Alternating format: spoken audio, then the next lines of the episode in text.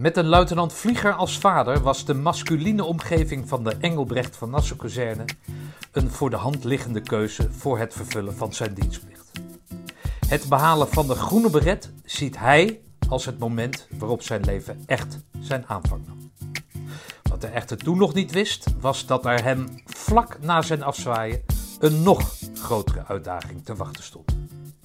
Op een regenachtige, gure dag komt zijn meisje Simone me ophalen van het station en brengt me naar hun mooie stulpje ergens aan de oevers van de Nieuwe Merwe.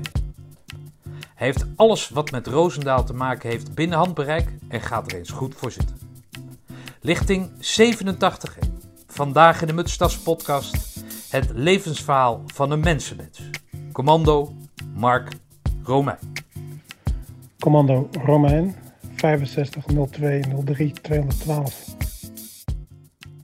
Mark, jouw leven, we hebben contact gehad via de, via de LinkedIn volgens mij. Ja. Jouw leven, schreef jij, begon op 29 april 1987. Waarom begon jouw leven op die datum?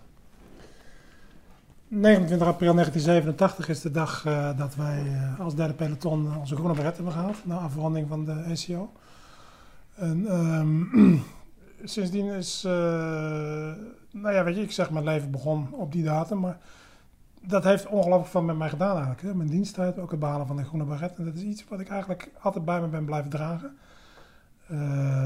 waarvan ik het gevoel heb dat het me ook echt iets heeft gebracht. Het heeft me mensenkennis gebracht. Het heeft me zelfkennis gebracht. Het heeft me vrienden gebracht. Het heeft me heel veel inzicht in, in relaties gebracht. Het heeft me gewoon heel veel gebracht, zeg maar, in het algemeen. En, hmm.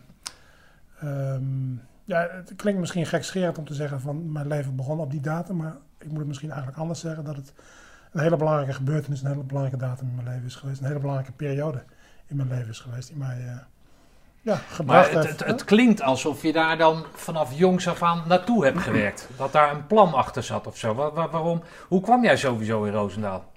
Ik ben... Uh, was, het, was het onderdeel van een groot plan? Nee, op dat vooraf zeker niet. Hè. Ik ben uh, gewoon... Uh, ik heb gewoon mijn middelbare school gedaan. Ik ben net als elke jongen op zijn achttiende gekeurd voor, voor de dienstplicht. Ik heb destijds wel aangegeven dat ik... Ze vragen dan aan je, heb je interesse in, in KCT of Corps Mariniers of KMA of dat soort dingen. Nou, KCT daar heb ik wel interesse in, moet ik eerlijk zeggen. Uh, dat kwam er ook een beetje door dat wij vroeger vaak... Ik ging vroeger vaak met mijn vader wandelen in, in dat gebied in Brabant. We zijn toen vaak langs de kazerne gereden. Het heeft altijd iets mysterieus gehad. Hè? Die, die commandokazerne daar in Roosendaal, dat ligt aan de snelweg natuurlijk. Dus ik moet je eerlijk zeggen, het heeft wel altijd uh, iets met me gedaan. Het feit dat daar de commando's uh, zaten. Maar het is niet zo dat het voor mij een groter plan is geweest uh, sinds mijn jeugd. Of na afronden van de middelbare school uh, dat ik uh, commando wilde worden. Absoluut niet zelfs. Ik, ik ben gewoon na afronden van mijn, van mijn middelbare schooltijd. Wat heb je gedaan voor ik, ben, ik heb gymnasium gedaan in Gorkum. Ja. beta, dus met wiskunde en natuurkunde en scheikunde. Maar ik ben, uiteindelijk ben ik na afronden van mijn middelbare school ben ik rechten gaan studeren. Omdat ik eigenlijk totaal niet wist wat ik moest gaan doen. Ik heb toen twee jaar in Utrecht uh, rechten gedaan. Niks gehaald. Ik geloof alleen de bibliotheektoets gehaald, maar verder eigenlijk helemaal niks. Wat ik wel gedaan heb, daar is uh, geroeid. Ik heb daar wedstrijd geroeid uh, twee jaar. Best redelijk... is dat Triton of zo? Wat nee, bij Orca. Oh, oké. Okay. Ja. Maar goed, als je, in, die, in die tijd was het zo dat als je na twee jaar niet je propeduis hebt gehaald van een universitaire studie, ja, dan word je alsnog opgeroepen voor, voor, voor de dienstplicht. Dus uh, ik kreeg al vrij snel na dat uh, niet succesvolle tweede studiejaar de, de oproep om uh, in januari 1987 op te komen. Hm. En ik, ja, toen ben ik opgekomen. Was maar kom je uit de militair nest dan, dat je dan elke keer met je vader langs de, langs de kazerne moest wandelen of rijden of, of wat nou, dan ook? Het was niet zozeer dat wij echt actief langs de kazerne rijden. Mijn vader Kijk, is, dat is de kazerne, jongen. Ja, nou ja, mijn vader heeft gevlogen bij de luchtmacht. Mijn vader is luchtmachtspiloot ah. geweest. Oké. Okay. Dus en dat schept altijd... wel iets van een... Van een, van een gezamenlijke ja.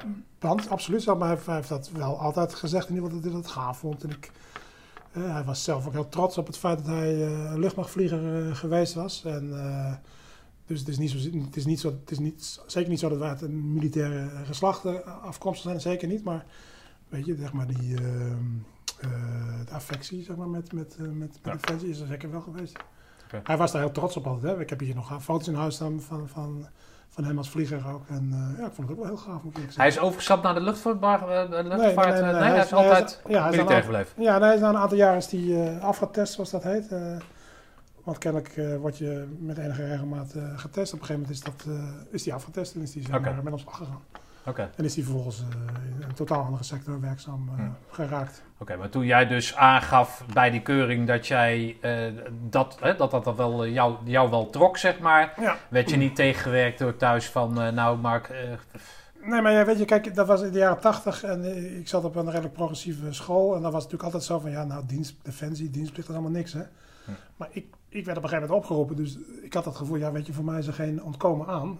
als ik dan moet, laat ik dan in godsnaam iets doen wat, uh, wat ook echt uh, wat oplevert, hè, wat gaaf is. Ik had weinig zin om 14 maanden lang uh, kroketten te eten en aan, aan de flipperkast te staan. Hè, wat een beetje het, het verhaal was, het beeld was wat ja. er toen bestond rondom de dienstplicht. Hè. En ik dacht, weet je, als ik dan ga, laat ik het dan ook goed doen. Hè. maar dan had je net twee jaar, zeg maar, je tijd een beetje verkwanseld. Ja, ja. had dan wel gegroeid. Ja. Zag je dan die, die diensttijd of die dienstplicht als een soort reset of zo? Als ik misschien kom ik daar wel beter uit? Of zat er dat dan nou, misschien wel een plan aan? Nou, op dat, op dat moment nog, eigenlijk eerlijk gezegd nog niet. Het was meer eigenlijk gewoon een volgende stap in mijn leven. Weet je wat, ik dacht, ik, nou, ik heb nu twee jaar gestudeerd. Dat is niet gelukt. Uh, weet je, op je, op je twintigste leef je eigenlijk een beetje op die manier. Je gaat van, van tenminste bij mij, laat ik het zo zeggen. Weet je bent niet bezig met, met een groot plan of een, of een lange termijn planning. Hè, van over zoveel jaar wil ik daar staan. Of weet ik wat. Het, het is veel... Um, veel uh, reactief eigenlijk. Hè. Er, komt iets op je pad en dan ga je doen. Hè. Dat was bij mij zaak ook zo. Dus ik had absoluut wel uh, een goed gevoel bij het korps, zeker. En uh, ik wist ook van het bestaan af. vanuit mijn vader wat, wat, wat, stimula wat stimulans. En ik moest, dus ik dacht nou dan dat en toen ben ik er naartoe gegaan. Okay. Dat is eigenlijk een beetje de aanloop geweest. Okay. Wat, wat, wat, wat, wat kwam jij daar dan tegen? Nou, Hoe ging je daar naartoe dan? Wat, wat, dat het stoer was of weet ik van ja. wat. Maar, maar wat, wat, wat waren je verwachtingen daar dan? Nou, Wist je wat het inhield? Nou, ik, ik, ik, voel wel een zekere angst, moet ik eerlijk zeggen. Hè? Want in, in, in, in, mijn tijd was het zeker van nou, commando's, dat is wel. Uh, dat, hing een, uh, iets mysterieus omheen. Dat zijn supermensen. Weet je, dat gevoel bestond bij mij een beetje. Of dat dan wel of niet terecht was, dat laat ik dan eventjes in het midden. Maar er was zeker een. Ik voel ook wel een zekere angst. Van, goh, ik, ik, ik, moet in dienst. Ik ga dit doen. Ik hoop maar dat ik het haal. Ik ga mijn stinkende best doen. Wat ik wel wist is dat ik super fit was. Hè? Want ik had twee jaar wedstrijd gehoord, uh, heel veel gesport. Dus ik dacht, nou ja, daar ligt het niet aan. Hè? Dus fysiek ga ik het denk ik wel redden. Hè? Uh, maar, maar, maar, maar, wat houdt het nou precies in? Ik was eigenlijk zo groen als gas. Wist eigenlijk niet zo heel goed uh, waar ik aan begon op dat moment ook. Hm. Maar? Dan kom je daar dus aan in, en dan kom je ineens, dan kom je daar in, in, een groep mensen terecht van, van, van ja, van, van, van, vanuit alle lagen van de, van de, van de bevolking eigenlijk. Hè. Allerlei soorten mensen. Ik was natuurlijk redelijk beschermd, denk ik, opgegroeid in ieder geval op een, op een klein categoraal gymnasium in Gorkum met een redelijk een relatief selecte groep uh, ja, dat kan je wel zeggen. Ja. zeggen ja, ja. Het was niet de normale nee, downtown, was, nee, uh, was de Bronx uh, nee, gymnasium nee, of zo terecht. Ja. Absoluut niet. Dus ik kom best wel uit een, uit een, uit een, uit een redelijk beschermd, beschermde omgeving met ja, daar zaten natuurlijk toch, toch, de kinderen op school van, uh, uit, uit, uit de betere uh, lagen, zeg maar. daar kwam ik dan weliswaar niet, niet uit, moet ik eerlijk zeggen. Maar, maar weet je, daar zat natuurlijk de dochter, de, het zoontje van de chirurg en, en de dochter van de, van de burgemeester en weet ik het allemaal. Die zaten daar op school. Dat was echt, uh, echt, echt zo'n school. En dan kom je ineens kom je natuurlijk in, in een wereld waar je eigenlijk nog niet echt eerder in bent geweest. Je komt in een hele gemengde groep jongens nogmaals, uh, van, van, van, van, allerlei plumage. En eigenlijk heb ik dat van het begin van ontzettend leuk gevonden. Hm. Ik vond het hartstikke gaaf. Ik vond het zo'n gave club uh, kerels. En, uh, en dat, dat is ook eigenlijk gebleven, gebleven, moet ik eerlijk zeggen. Hm. Waar trok jij, naar wat voor type trok jij? Of trok men naar jou? Of wat, maar, maar, waar, waar, waar, bestond dat uit? Nou, weet je, ik denk, we hadden een hele, het was een hele hechte groep kerels. je, je, wat denk ik menselijk is, is dat je daar heel snel een, een paar mensen uit pikt waar je wel uh, iets extra's voor voelt. Hè? Dus ik had een klein, ik had wel zeker een club, uh, clubje om me heen. De mensen waar ik wat meer voor voelde dan voor de rest, absoluut. Hè? Maar, uh, was dat kamer gerelateerd dan? Of, ja, of, dat was, ja, dat was ook kamer gerelateerd. Het was zeker kamer gerelateerd, want je wordt natuurlijk al vroeg toch met, met kleine clubjes. dan hebben we het over de vooropleiding, hè? Vooropleiding nog, hè? Ja. Dus dat klopt, absoluut. Ja, dat is denk ik wel, wel, wel kamer gerelateerd, maar zeker op pelotons gerelateerd natuurlijk. Hè. Nogmaals, ja, een paar mensen die wat extra's boden voor mij. Dus ik heb daar absoluut al van vroeg, van, van, van een, vanaf een vroege fase al, ja, toch een paar mensen om me heen gehad waar ik me echt heel goed bij voelde. Hm. Zodat ik mensen ook nog steeds contact mee heb. Hey, en eh, en dat, hoe ging jou dat, eh, dat, dat dingen doen af eh, die, ja, ja, die eigenlijk voor de rest van je leven eigenlijk nutteloos zijn? Dat marcheren bijvoorbeeld, of dat groeten. Nou, al kwam ik hier binnen, jij groette mij fantastisch. Ja. Maar hoe, hoe ging jou dat af? Dat, dat, dat nou ja, de, de plicht om iemand te groeten hoog in rang, de- dat iemand sowieso een rang had. Hoe, hoe ging jou dat af? Ik moest daar best aan wennen, moet ik eerlijk zeggen, in het begin. Omdat ik niet gewend was om in zo'n, uiteraard in zo'n wereld te, te, zijn. Hè? Maar het ging me eigenlijk ging me heel gemakkelijk af. Omdat ik vooraf met mezelf had afgesproken. Weet je, ik ga dit doen. Ik ga er voor de volle 100% ga ik ervoor. En dit is eigenlijk, ik moet het misschien eigenlijk anders zeggen. Dit is het enige wat ik nu heb. Hè? Want ik, mijn studie is mislukt. Ik, eh, en nu is het dit voor mij. Verder is er niks. En, eh, dus wat Klinkt ik, eh, redelijk dramatisch, nou of niet? ja, dat klinkt redelijk dramatisch, maar weet je, het is wel, het is een dagtaak. Het is je leven op dat moment. Als Ja. je, als Nee, je- dat als is- je- dat is dat is- dat waar. is zo. Dus, En ik heb toen wel zo'n mindset gehad van, nou weet je, als dit het dan is, dan doe ik het ook. En dan ga ik er ook volledig voor. Hè?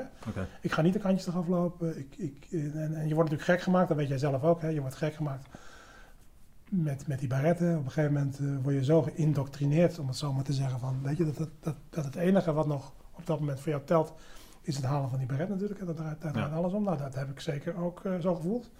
Dus dat was ik zo. Voor mij was alles erop gericht, eh, vanaf eh, vrij vroeg in de VO al, om die baret te halen. Absoluut. Ja. Hey, maar en jouw ouders die, die, die hadden niet iets van, omdat jij dus die twee jaar een soort verspild had. Hè? Nee, mijn ouders zijn gescheiden, al heel vroeg. Oh, dus. Ik kom uit een gebroken gezin, om het zo maar te zeggen. En, ehm, eh, dat is niet altijd makkelijk geweest. Dus in die zin is dat, heb ik een redelijk getroubleerde jeugd toch wel gehad. Hè? Met, met name daardoor eigenlijk. Heen en weer geslingerd eh, tussen, tussen, tussen ouders. Maar de ene week op, de Ene week af. Ja, maar goed, Ja, zoals dat nu dan... eh, je wel eens hoort dat dat allemaal heel strak geregeld is, weet je wel. Een week bij papa en een week bij mama was dat in mijn tijd helemaal niet zo. Weet je, ik ging waar, waar, mijn- waar, waar, waar de wind mij heen blies, om het zo maar te zeggen. Als ik in dat, een tijdje bij mijn vader te zijn, dan was ik bij hem. Jullie woonden dicht bij elkaar, of je ouders Ja, we woonden... dicht bij elkaar. Ja, en, oké. als ik daar geen zin meer in had, dan uh, hè, dus een keertje ruzie met hem gehad, dan eh, ging ik weer eens een tijdje naar mijn moeder toe. En ik, had, ik, had, ik heb ook nog een broer en een zus, eh, die net een jaar of twee jonger zijn dan ik.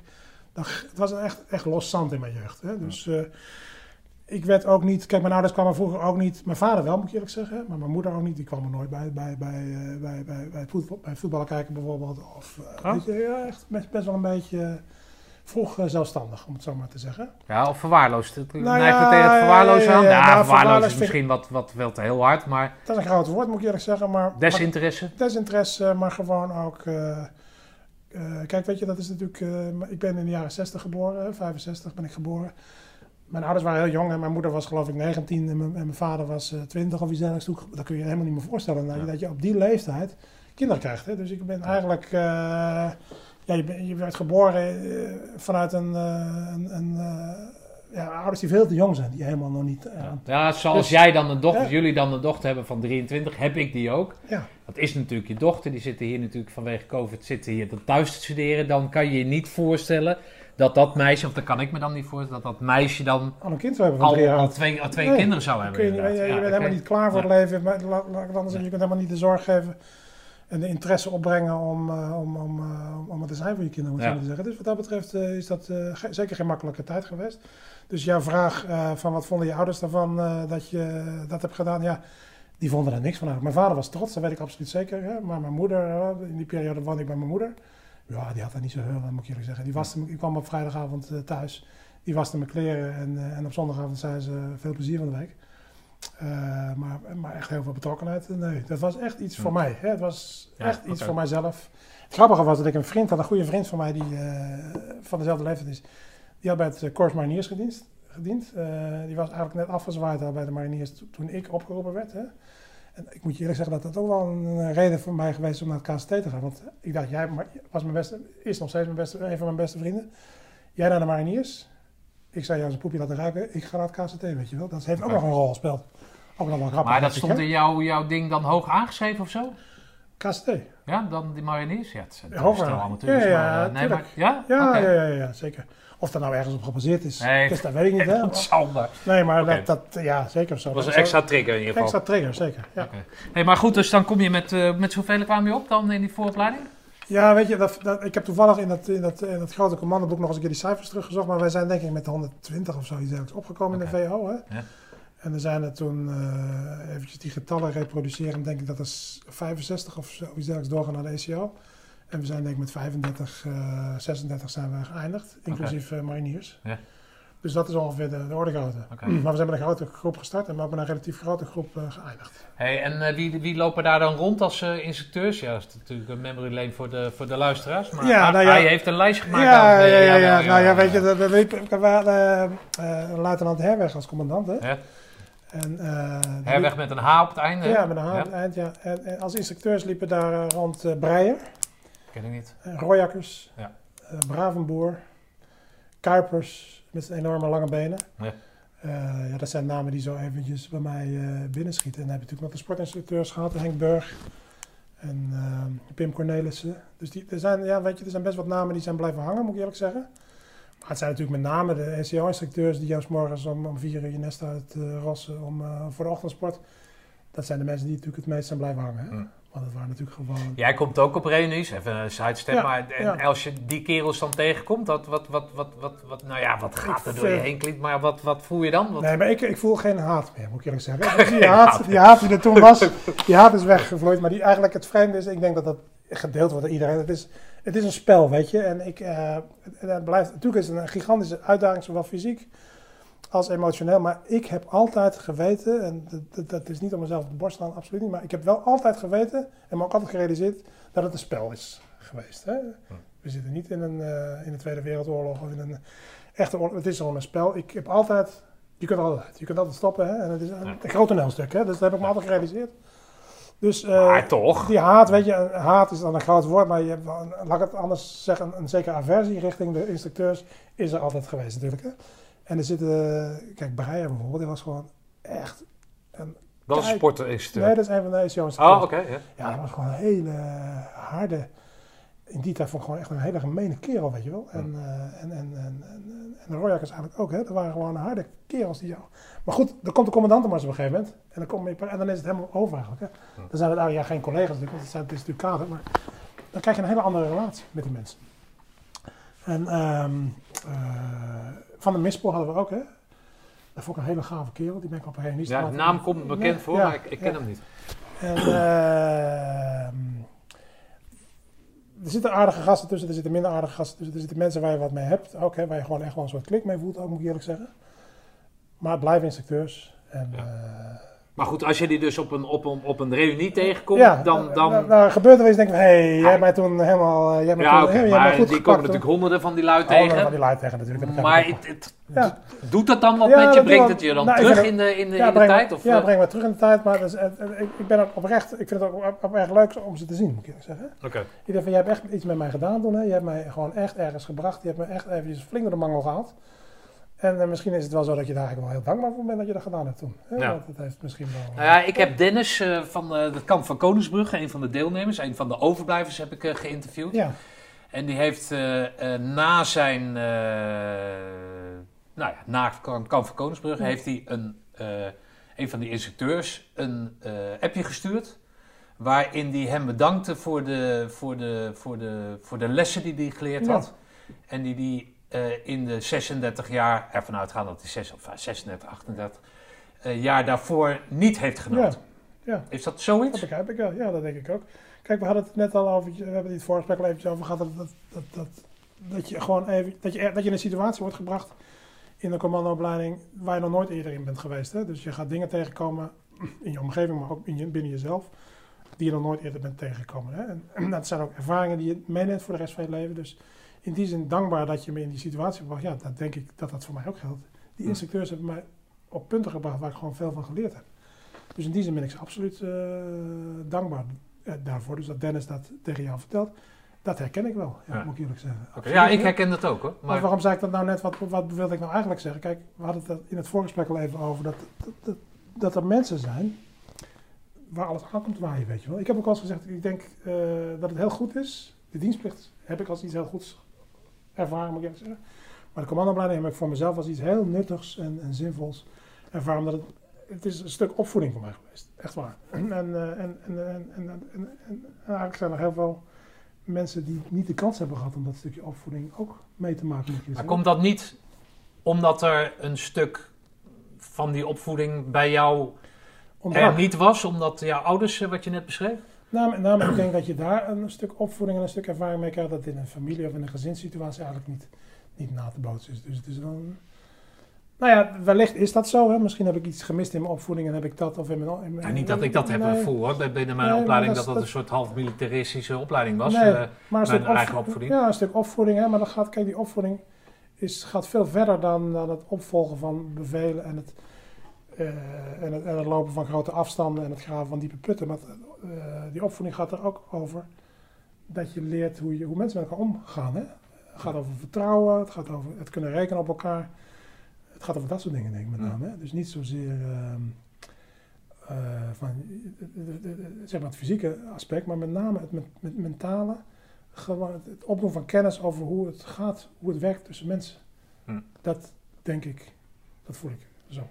Ja, dus daar heb jij geleerd wat, een, wat, wat het is om een groep te zijn. En Ja. niet zozeer omdat je lid bent van dezelfde voetbalclub, Ja. maar omdat dat in een proces gaat waarin mensen afvallen, Ja. waarin mensen geholpen moeten worden. Het, is, Het is de maatschappij in het klein eigenlijk. Hè? Je, je, je hebt, er, zitten allerlei factoren. Er zit, er zit afhankelijkheid in. Maar je moet ook zelfstandig kunnen zijn. Je moet besluiten nemen. Maar je moet ook eh, besluiten die door anderen zijn genomen opvolgen. Het, is nogmaals, het is echt denk ik de maatschappij in het klein. Hm. En, en ehm, ja, weet je, dat is denk ik ehm, heel erg belangrijk Ja. mensen. Hey, luister eens, als ik dan aan jou vraag wat jouw meest favoriete dieptepunt is in jouw ACO, Ja. dat- dat- dat- weet je dat nog? Of, Ja, wat, het, wat, het, wat, het, wat het slechtste moment is geweest, denk je? nou ja, Bedoel je, waarin jij jezelf eh, echt wel tegenkwam, of waarin je Ik- misschien het builtje wellicht, eh nou, in ieder geval dat overwegen was van, eh, nou, geef mij die pijp maar, of geef mij... zijn- de- hè? Weet je wat ik, ik vond het altijd ontzettend kloten om op zondagavond eh, vanuit een veilige thuissituatie, warme huis, op die trein te stappen en naar Roosendaal te gaan. Dat vond ik verschrikkelijk, echt verschrikkelijk. Warme huis ging over temperatuur. Ja, eigenlijk In jouw ja, gevallen, ja, ja. ja. En, eh, maar als je dan echt over concrete voorbeelden praat van waar, waar is het nou echt, echt heel, heel, heel, heel vervelend geweest. Ik heb het in Marsendam, heb ik het echt wel heel zwaar gehad, moet ik eerlijk zeggen. Eh, dan heb je natuurlijk de, de beroemde eh, trappenmars. Ja, dat vond ik verschrikkelijk. Daar ben ik goed stuk gegaan. En dan heb je natuurlijk de hele bek- de, de bekende speedmars heb je daar natuurlijk. Nou, dat zijn twee momenten geweest. Want ik heb natuurlijk de afgelopen dagen eh, enigszins voorbereid op het gesprek en nagedacht van wat is dat, wanneer heb ik het nou echt moeilijk gehad? Nou, dat zijn wel de momenten geweest dat ik het echt moeilijk heb gehad. Maar waarom daar dan? Ja, weet je, dan is het. Maar die, die moeilijkheid heeft er toch met name, in- met name toch echt in de, in de fysieke uitputting gezeten. Hm. En niet zozeer in het eh, mentale aspect of de druk die ik voelde. Maar gewoon echt wel de. Dat is zesde week, toch? Niet, wat is dat? Ik denk dat, ja, ik denk dat zesde week is geweest, ja. Want Ja. halverwege de zevende week ga je natuurlijk eh, richting eh, de afmatting. Dus dan, dan, dan ben je ver over de helft Dan ben je heen. ver over de helft heen. Dan zijn er al heel veel jongens afgevallen. Dan, heb je echt, dan is het echt het, het, eh, het einde in zicht, om het zo maar te zeggen. hè. Maar dan komt er toch nog een eh, behoorlijke, behoorlijke uitdaging eh, voorbij. Daar heb ik het wel zwaar gehad, ja. Maar zat jij toen, wat je voor, voor zover je het nog weet, je ziet er heel goed uit, maar het is toch een tijd geleden. zat jij toen voor jezelf al in die safe zone van, nou, ik ga dat wel fixen volgens mij? Ja. Of, of, ja? ja Of wel? Ja. Maar Dus dan was het een klapper. Dus was Ja. het een tegenvaller dat het daar zo zwaar was? Was het tegenvallen, ja. Ik had niet verwacht dat het zo zwaar zou zijn. Maar wat jij net aan mij vraagt, van, heb je, heb je er, hè, zat je in de safe zone? Ik moet je heel eerlijk zeggen dat ik eigenlijk altijd het gevoel heb gehad dat ik in de safe zone was. Ook dames en heren, we zijn hier bij een Ja. eh, absoluut Nee, maar dat, eh, dat bedoel ik, zo bedoel ik niet. held Maar, van het, eh, nee, van nee, het nee, nee, nee, nee, dat, zo Wat bedoel ik niet. Maar ik heb, ik heb me eigenlijk, eerlijk gezegd, eh, nooit grote zorgen gemaakt van ik vlieg eruit of iets dergelijks. Helemaal niet. Maar? Je wist dat het een spel was. Ja. Je wist dat Met het name daarom waarschijnlijk. Nee, natuurlijk. Maar je wist natuurlijk ook dat, je gewoon, Ik dat weet- het ook in één keer afgelopen kan zijn omdat jij in een gat stapt. Dat kan. Weet je, een blessure, dat kan altijd gebeuren. Ja. er zijn natuurlijk best eh, veel jongens eh, met blessures afgevallen. Dat kan gebeuren. Hè. Maar ik denk dat dat iets is, eh, ja, dat overkomt je dan gewoon. Hè. Maar dat was niet iets waar ik rekening mee hield. Absoluut niet zelfs. Nee, oké, ik, ik kan me voorstellen dat je er geen rekening mee houdt, maar dat speelt toch altijd nog wel in je achterhoofd dan toch niet? Nou ja, ik, ik, In combinatie met van, hey fuck, ik dacht, dat denk dat ik er ben. En dan komt dat Marseledam komt dan. En Ja. dan blijkt dus dat, dat, het, dat het geen appeltje eitje is. Nee, maar eh, angst van het niet halen, moet ik je eerlijk zeggen dat ik dat nu, 30 jaar later, niet terug kan halen. Dat ik dat eh, gehad eh, zou hebben. Nee.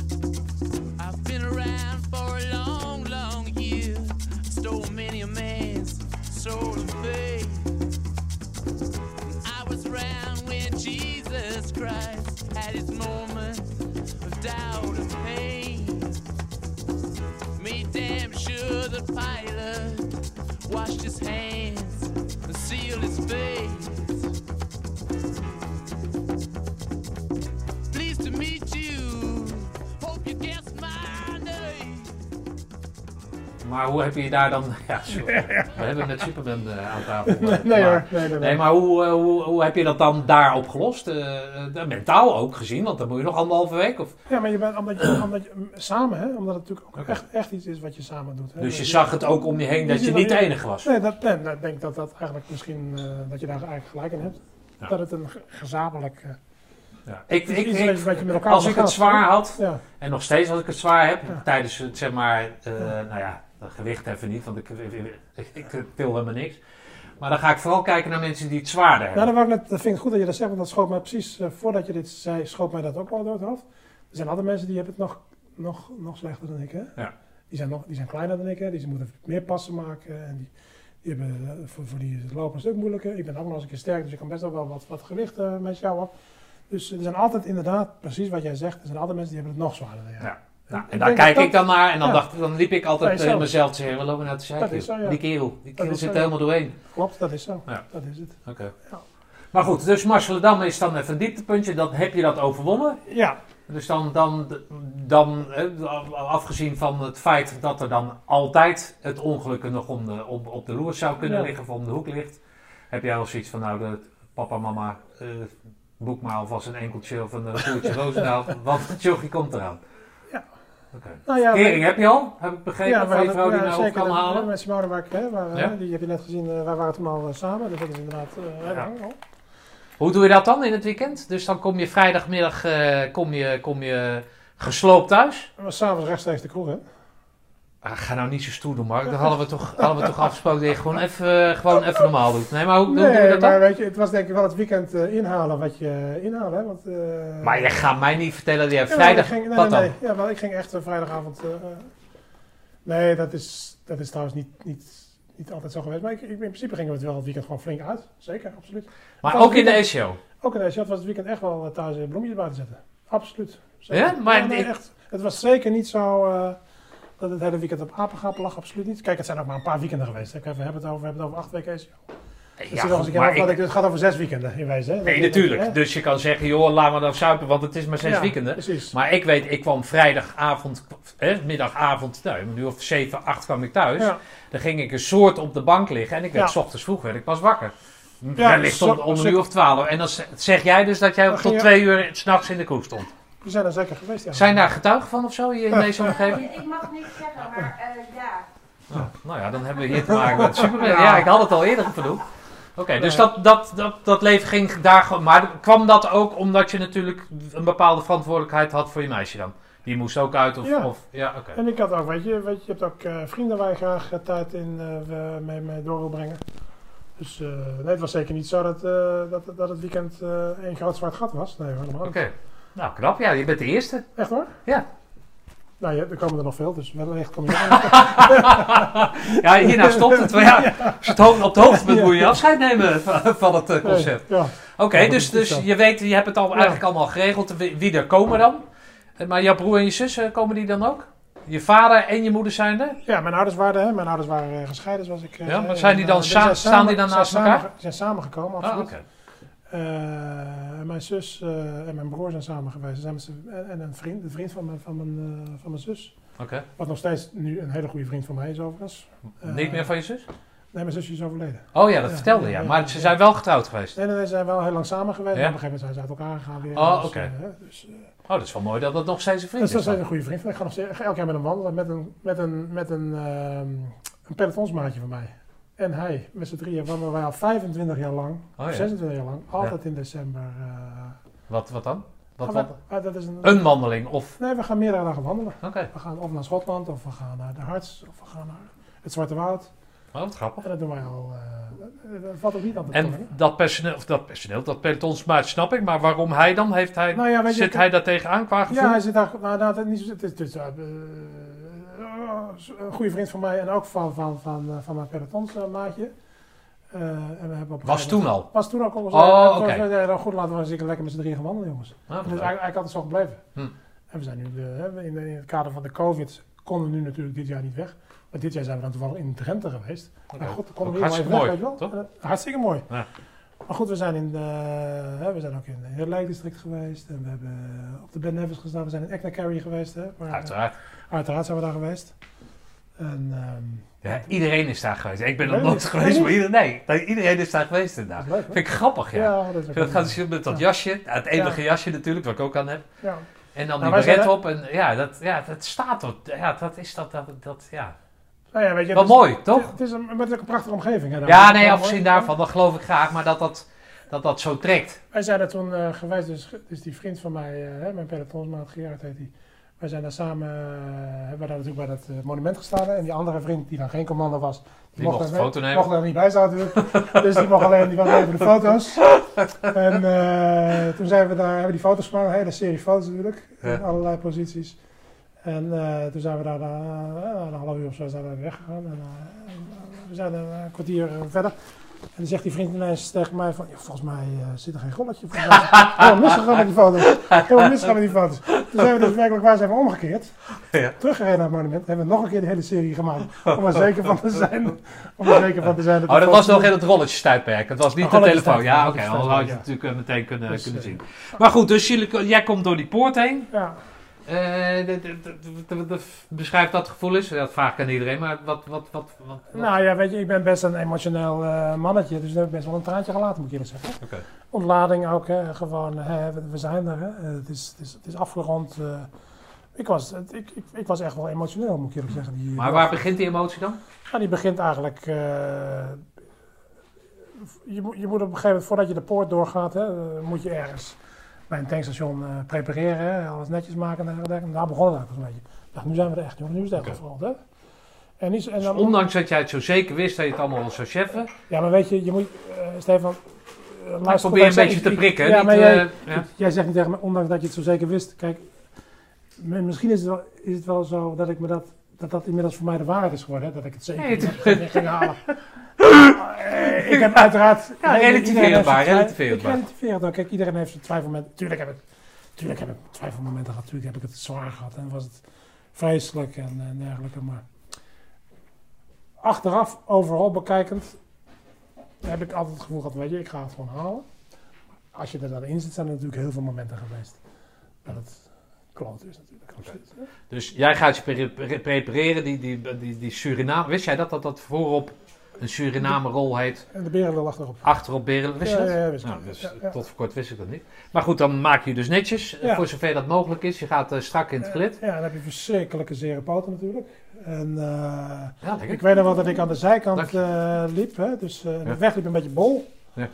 Eh, want als je dan, kijk, als je in het midden loopt, dan, dan is de weg eh, vlak natuurlijk. Maar ik liep aan de zijkant. Dan liep de weg een beetje af. En ik had zulke verschrikkelijke zere poten. Daar kan ik me nog heel goed herinneren. En, ehm, eh, mijn schoonmoeder, die eh, is de moeder van Simone, die is eh pedicure. Die heeft tijdens de ECO een aantal keren mijn eh, voeten ook eh, behandeld. Die, Oh, zegt nu nog steeds, omstandigheden. die zegt nu nog steeds eh, jaren later, hè, zegt ze, nou, ik heb nog nooit zoiets gezien. Eh. Oké. Dus, eh, Dus die heeft mijn voeten goed verzorgd ook na, na de, na de. Oké. Maar goed, dat, dan kom je dus binnen, binnen. staan die kerels daar. Ja, dat is toch echt. Ja, maar je, ik, dat hoef ik jou niet te vertellen. Ik denk dat, ik denk dat het een universeel iets is. Dan is er een ontlading en dat is gewoon fantastisch, weet je wel. Dat is. eh, eh, ja, weet je, dat is een ontlading, weet je, als je, eh, als je ergens komt, of als er iets gebeurt waar je lang naar uitgekeken hebt, wat heel veel moeite gekost heeft. En, en het punt is daar, ja, dan, dan gebeurt er iets met je natuurlijk. Hm. En dat moment kan ik me nog heel goed herinneren. Als ik er nu, wat je ziet dat wel eens, hè, wij hebben- er is bijvoorbeeld voor onze SEO is er een eh, film gemaakt door, eh, door iemand. Die, je niet? Ja. Door iemand? Hoe bedoel je door iemand? Nou, daar is, daar, weet ik niet, daar, daar weet ik niet precies waar die vandaan. Nee, het is niet zozeer van de ECO, het is van de commandant, maar het is van, ons, van de laatste dag Oké. is er een eh, film gemaakt. Wie dat geschoten heeft, dat Nee, weet maar ik. Afro-Tros-achtige Nee, nee, dat, is- dat een particulier film. Oh, ik weet oké. niet precies, Ja. even mijn pelotonsmeisje met je terug. Ik heb hem ook nog. En dan komt het allemaal, als ik dat zie, jongen, dan krijg ik gewoon tranen in mijn ogen weer. Meen je Ja, echt waar. Als ik mezelf, als ik dan ons peloton door die poort zie gaan, ook als ik foto's van mezelf zie, ik heb natuurlijk in de afgelopen dagen foto's zitten bekijken, om het even terug te halen, ja, dan word ik gewoon, raak ik toch geëmotioneerd, moet ik eerlijk zeggen. Maar wat is dat dan? Wat is, ja, nee, dat, dat Ja. heb je aangegeven. Ja. Maar ik weet ook de, de, de, de- En dat gaan we zo allemaal bespreken. Gaat nu. Maar ik weet ook het vervolg van jouw verhaal. Misschien heeft Maar dat wat- maken, Oh, dat, ja, oké. dat, die, Ja. dat die verbinding het juist Ja. maakt. Ja, Ja. oké. Ja. Dat je Ja. daar in de brug ziet naar hoe je die ellende daar... Nou ja, ik ga het nu verklappen. Maar Nee. dat je die ellende daar... Ja, oké. Ja, nee, dat snap ik hem. Ja, oké. ja. Dat denk ik. Dat is oké. Maar goed, dan loop je dus door die poort heen.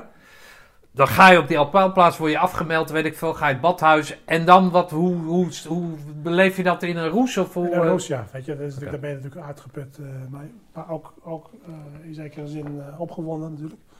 Omdat je er toch bent. maar ik kan me wel herinneren, je, voelt je echt de koning op dat moment natuurlijk. Hè. Je denkt echt, nou de wereld ligt aan mijn voeten, ik kan alles aan. Wie maakt me wat? Ik heb het gehaald. Hm. Ik heb gehaald waar, waar iedereen, zeg maar, het hele, kader wat er om, om, om die opleiding heen zit. Eh, eh, ons als, als peloton helemaal gek voor heeft gemaakt natuurlijk eh, al die weken. Van, weet je, het enige wat, wat, waar het om gaat is het halen van die beret. En als je die haalt, nou weet je, dan, dan, dan, dan, dan, dan ben je er. Nou, dat, gevoel was, dat, dat bleek ook zo te zijn, absoluut. Hm. Je moet het in de tijdgeest zien natuurlijk. Je moet het zien in het kader van de leeftijd die je op dat moment hebt. Kijk, nu zou dat misschien niet meer zo gaan op deze leeftijd. Maar als je twintig bent en, en je staat in wezen nog echt helemaal aan het begin van je leven. Dat is het, het eerste moment waarin je nou echt een grote prestatie eh, levert. Dat is echt zo. Nou, dan gebeurt er iets met je. Ja, ik zie dat ook. Ik zie Ja. dat als het eerste Ja, keer... dus eh, Je hebt echt voor het eerst in Ja. je leven heb je iets gepresteerd. Ja. gewoon, hè? Ik had dan wel eens, ik had natuurlijk gewoon mijn, mijn, mijn, mijn eh, middelbare school afgerond. Ik had dan gymnasium gedaan, hè? maar dat ging ook allemaal maar hangen Ja. en wurgen met een herexamen en dergelijke. Nou, dat was niet iets waar ik trots op ja, was. maar die glorieusheid Ja, van, dat, ja. van dat ding, dat, Ja. dat is... Ondanks dat je het met een groep doet, waar wij natuurlijk Ja. allemaal voor staan en waar je mee doodgegooid wordt, is het natuurlijk binnen die groep is het natuurlijk een individuele prestatie die, je, vo- die volledig op jouzelf afstraalt. afstraalt. Ja, dat klopt inderdaad. Ja. Ja. Ja. En ehm, trots, ook trots gewoon. Enorme trots. Ja, Trots op mezelf, oké. trots. Van jongen, dit heb ik toch maar Ja. even mooi eh, geflikt, hè? En wat zegt jouw meisje dan? Dat, dat, dat- dat- begint hij vanaf dag 1 te relativeren? Of, Ja, of-. Eigenlijk vanaf dag één, maar Ja, ik vond het ook dag- een ontzettend leuke vrouw. Die Van, ja. eh. ja. Ja, dat vind ik ook. Vandaar dat we ook al zo lang Ja. samen zijn natuurlijk. Nee, maar die is niet vanaf dag 1, maar die is vanaf, vanaf, vanaf dag min, min, min 30 al eigenlijk al aan het relativeren geweest. Hè, natuurlijk. Oké. Maar dat betekent dat je daardoor nog sterker in je schoenen stond? Dat dat, dat gevoel nog weer meer werd? Van ja, het zal me wel, er zijn meer mensen tegen, maar goed, kijk mij het- dat nou geflikt Nee, ik vind het fijn, oh, ik vind het fijn om de nuances om de nuances. Weet je, wat zij heeft gedaan, zij is er wel in geslaagd. Of, dat is in ieder geval haar, haar opdracht geweest om het wel altijd in in het perspectief te plaatsen. Hè. Van jij kunt nu allemaal wel eh, allemaal zo fantastisch vinden, die baret. En je kunt jezelf zo geweldig vinden. En je kunt wel zeggen van, weet je er is niks belangrijker dan die baret. Maar dat is natuurlijk helemaal niet zo, want er zijn nog Ja. veel meer eh, dingen in de wereld die belangrijk Ik ben ook nog belangrijk, zegt zij. Ja. En, eh, en er is ook nog honger in de wereld en oorlog en van alles en nog wat. Hè. Dus, Maar had jij dat nodig dan, die relativering? nou...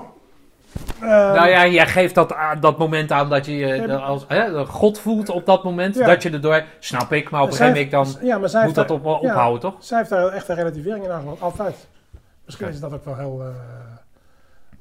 ja, redding is misschien een groot woord, maar misschien heeft dat ook wel voor gezorgd dat het, dat het gegaan is zoals het gegaan is. Dat het me eh, dat, het, dat het gelukt is. En dat Nee. ik eigenlijk een hele fijne tijd heb gehad daar. Ja, maar jij vertelde, en dat was natuurlijk, ehm, jij vertelde dat jouw schoonvader je wel eens wegbracht. Ja. Dat jij, nou niet geen fitty, maar dat je wel soort wrijving had met, met jouw schoonvader, omdat Ja, hij... Toneel, hè? Dat Ja, dat weet ik. Ja. Maar in ieder geval dus niet dat leger echt aanhing. Nee, helemaal niet. Eh, maar eh, was jij iemand die dan na het halen van de groene bret, dus toen je paraat was, in pak de trein inging om naar huis te gaan of niet? Eh, ja.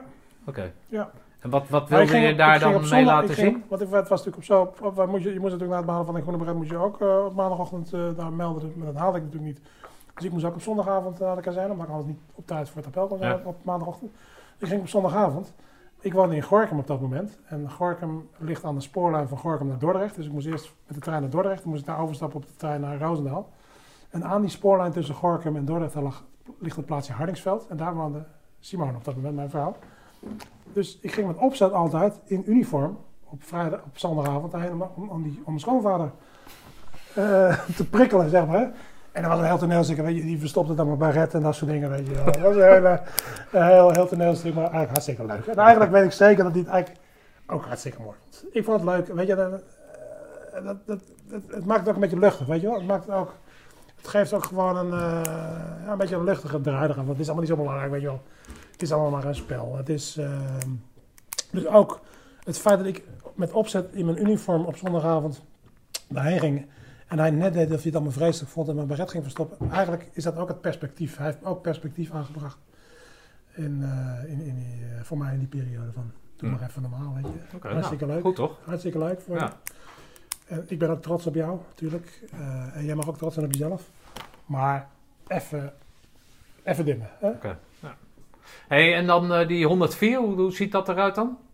Nou, wij kwamen in het derde peloton terecht in de 104. eh, met onze eigen eh ECO-lichtingen. Dus we hadden, in totaal hadden wij, eh, ik dacht, eh, tien ploegen. Negen of, negen of tien ploegen. Ik denk negen ploegen. Wij waren, ik, zat bij de Vaandrig.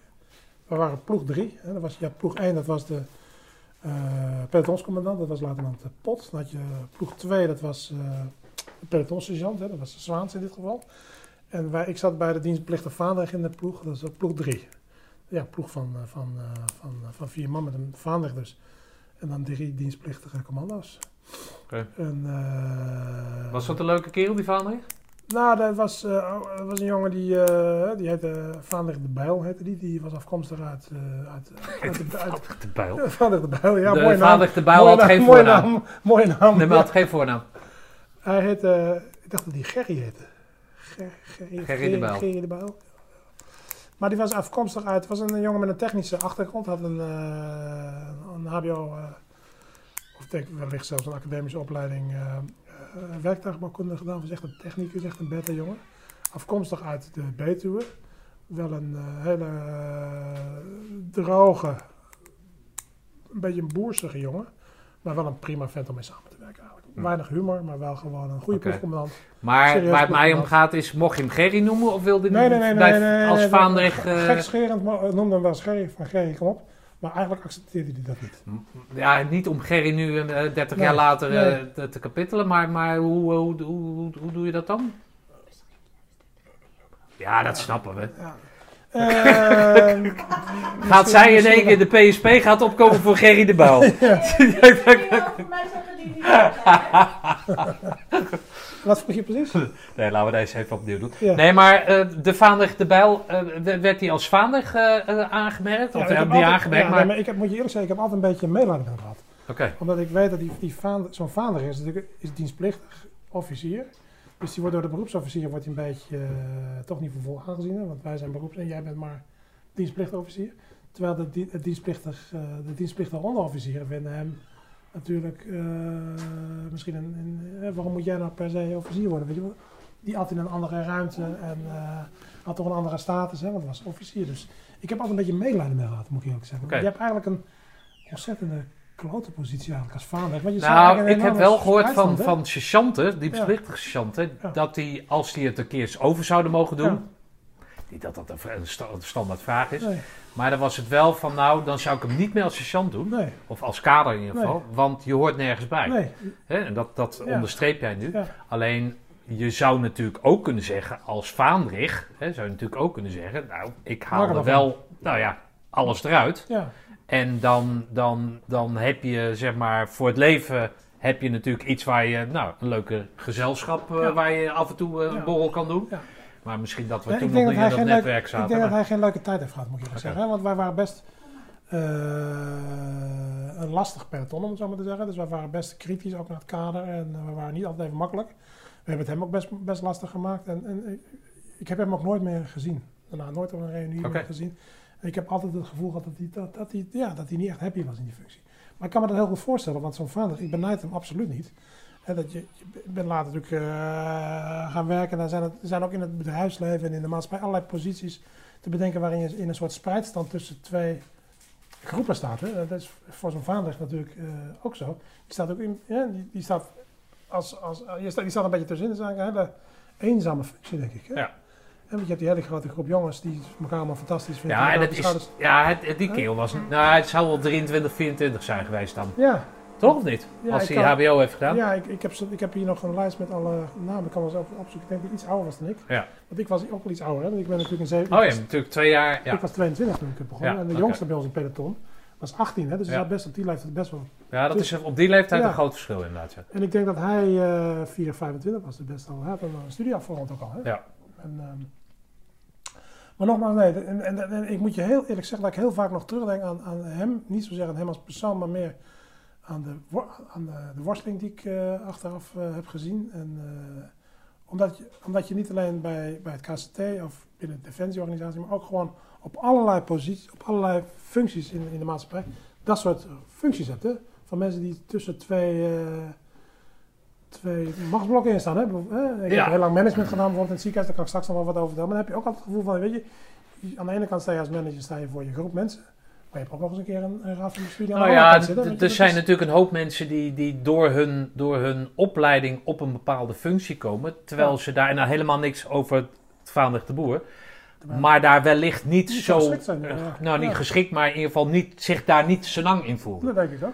Eh, En je moet natuurlijk een hele grote persoonlijkheid zijn, wil je dat Ja. wel kunnen, Ja, zeg om er maar. iets van te maken. Hè? Om er iets van te maken. Ja, het, het is nu heel actueel, maar in ieder geval die, die, die kerel van het NOC, nou in ieder geval de, de boer, is overleden. gisteravond overleden. En wat ik zo prachtig vond van dat verhaal, hè, van zijn achtergrond, was dat hij zo ongekunsteld was, maar dat hij dus de dingen deed zoals er, nou ja, dat hij Ja. mensen wist te verbinden. En, Klopt. en, en dat is natuurlijk niet Ja. iedereen gegeven. Nee. Maar ook wel Maar dat is, een- dat is natuurlijk een enorme uitdaging voor zo'n vader om, om dat te doen. Hè? Maar daar heeft hij niet, eh, die, die uitdaging heeft hij niet eh, optimaal. Nee, maar ik kan me voorstellen dat het hè, dus in zo'n het- zo'n dienstplichtige omgeving, dat je dan, eh, als je het- het baasje bent van zo'n peloton, nou ja, oké, dat is lullig. Maar het lijkt mij nog lulliger als je met z'n vieren onder de grond zit. Ja. En wat langere tijd eh, in een oncomfortabele Ja, met die positie met elkaar zit. En dan elkaar dan niet kan tutoyeren, maar dat je vaanderig blijft zeggen. Nou,